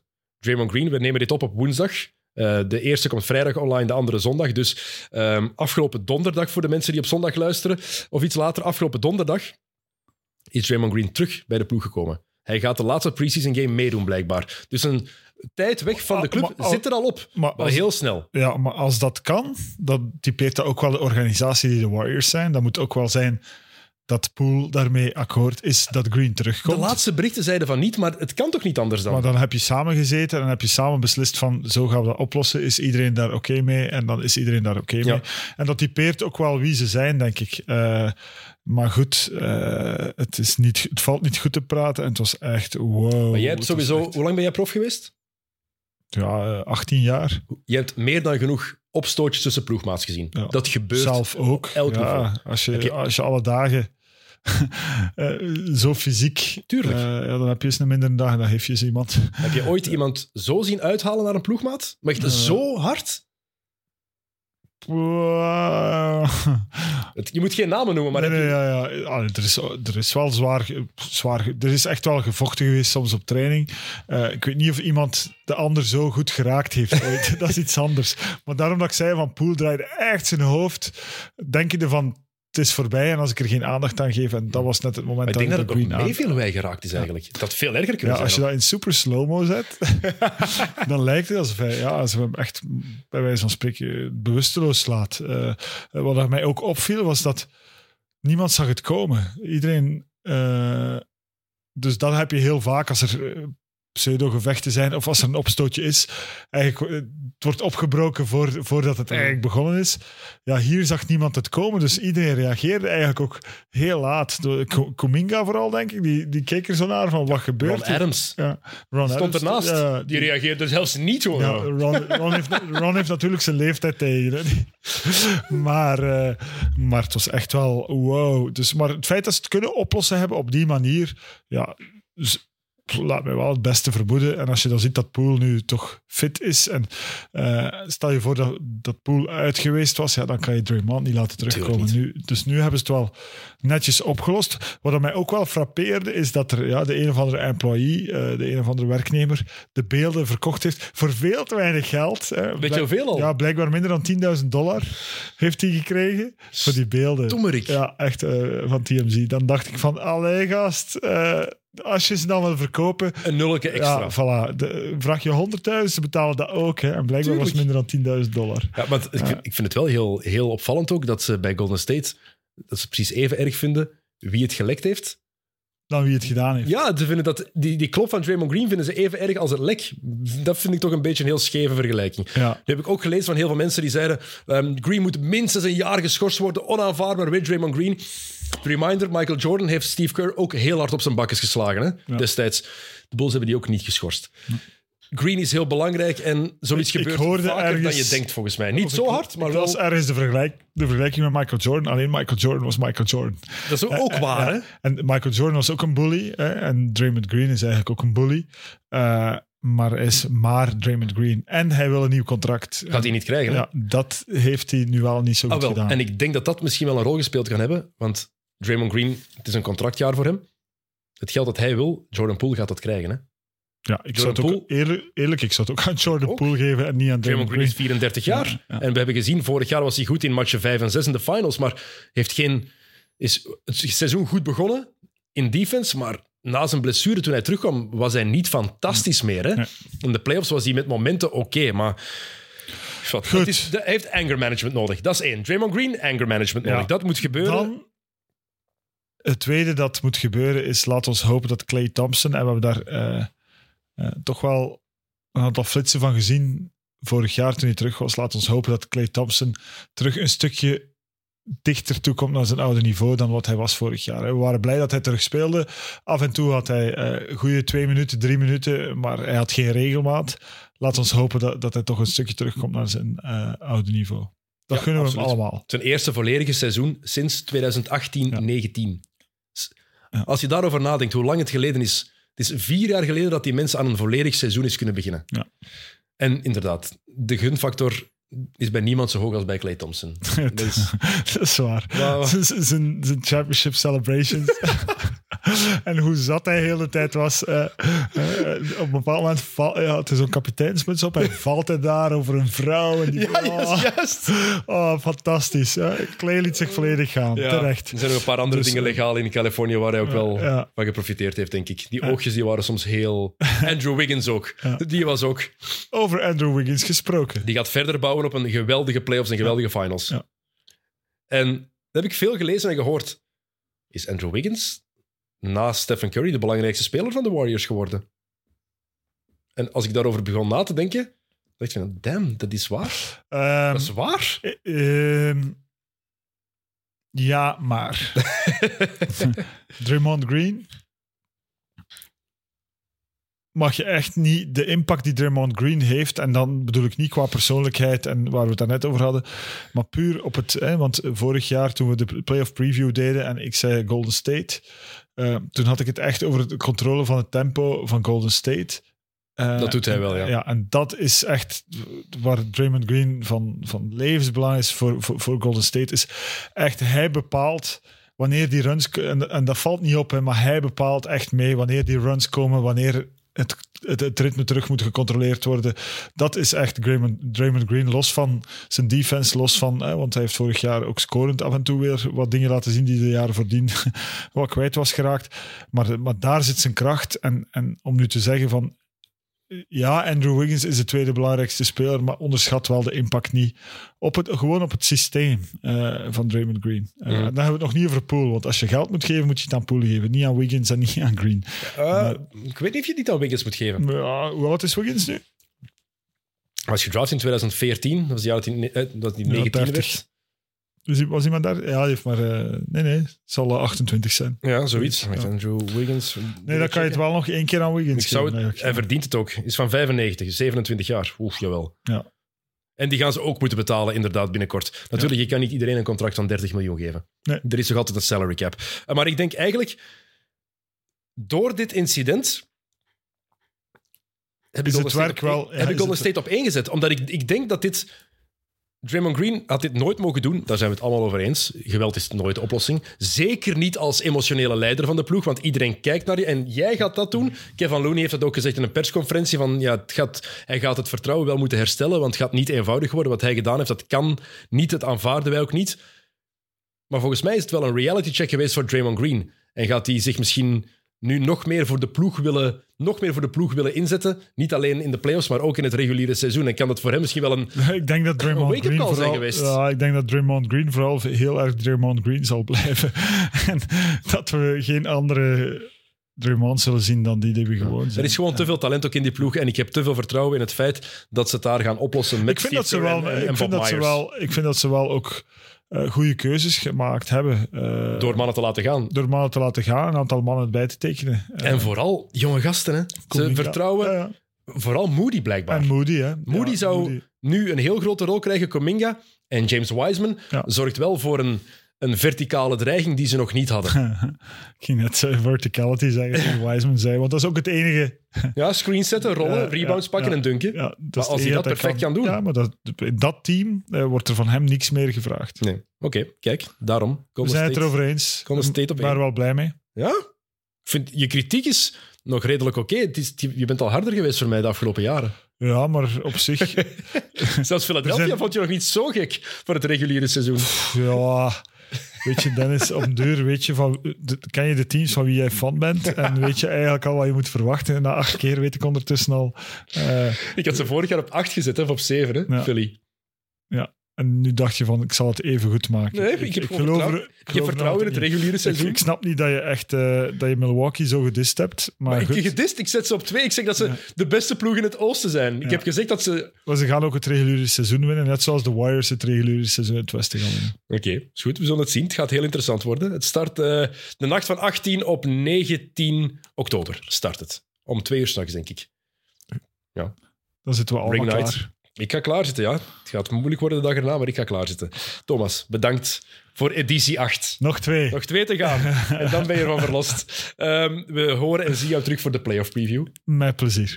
Sowieso. Eh, als je, nog eens, je mag dan wel niet klagen dat we je niet te veel gevraagd hebben daarvoor, want je bent altijd welkom op XNO's. Ja. Dus Maar je mag me altijd vragen. Hè. Je, Ja, weet, ja. Je, weet, je weet dat ik ook heel makkelijk nee zeg. Dus, of eh, gewoon niet bereikbaar bent. Ja, dat, dat ook. Alhoewel, voor jou valt dat wel nog Thomas, dikke merci. Jullie bedankt voor het luisteren of eh, om ook te kijken. Eh, nieuwe XNO's is er niet volgende week, want dan zijn er nog maar drie dagen geweest van het reguliere seizoen. We willen een grotere sample size hebben. Dus op vrijdag de 28e eh, hebben we de eerste conclusies. De veel te vroege conclusies met Leendert Derk. Dan komt die nog eens langs. En daarna is er nog eens tijd aan de Chaotic Four. Dus eh, dan zijn de volgende afleveringen. Dikke merci en tot de volgende keer. Salut. Yo.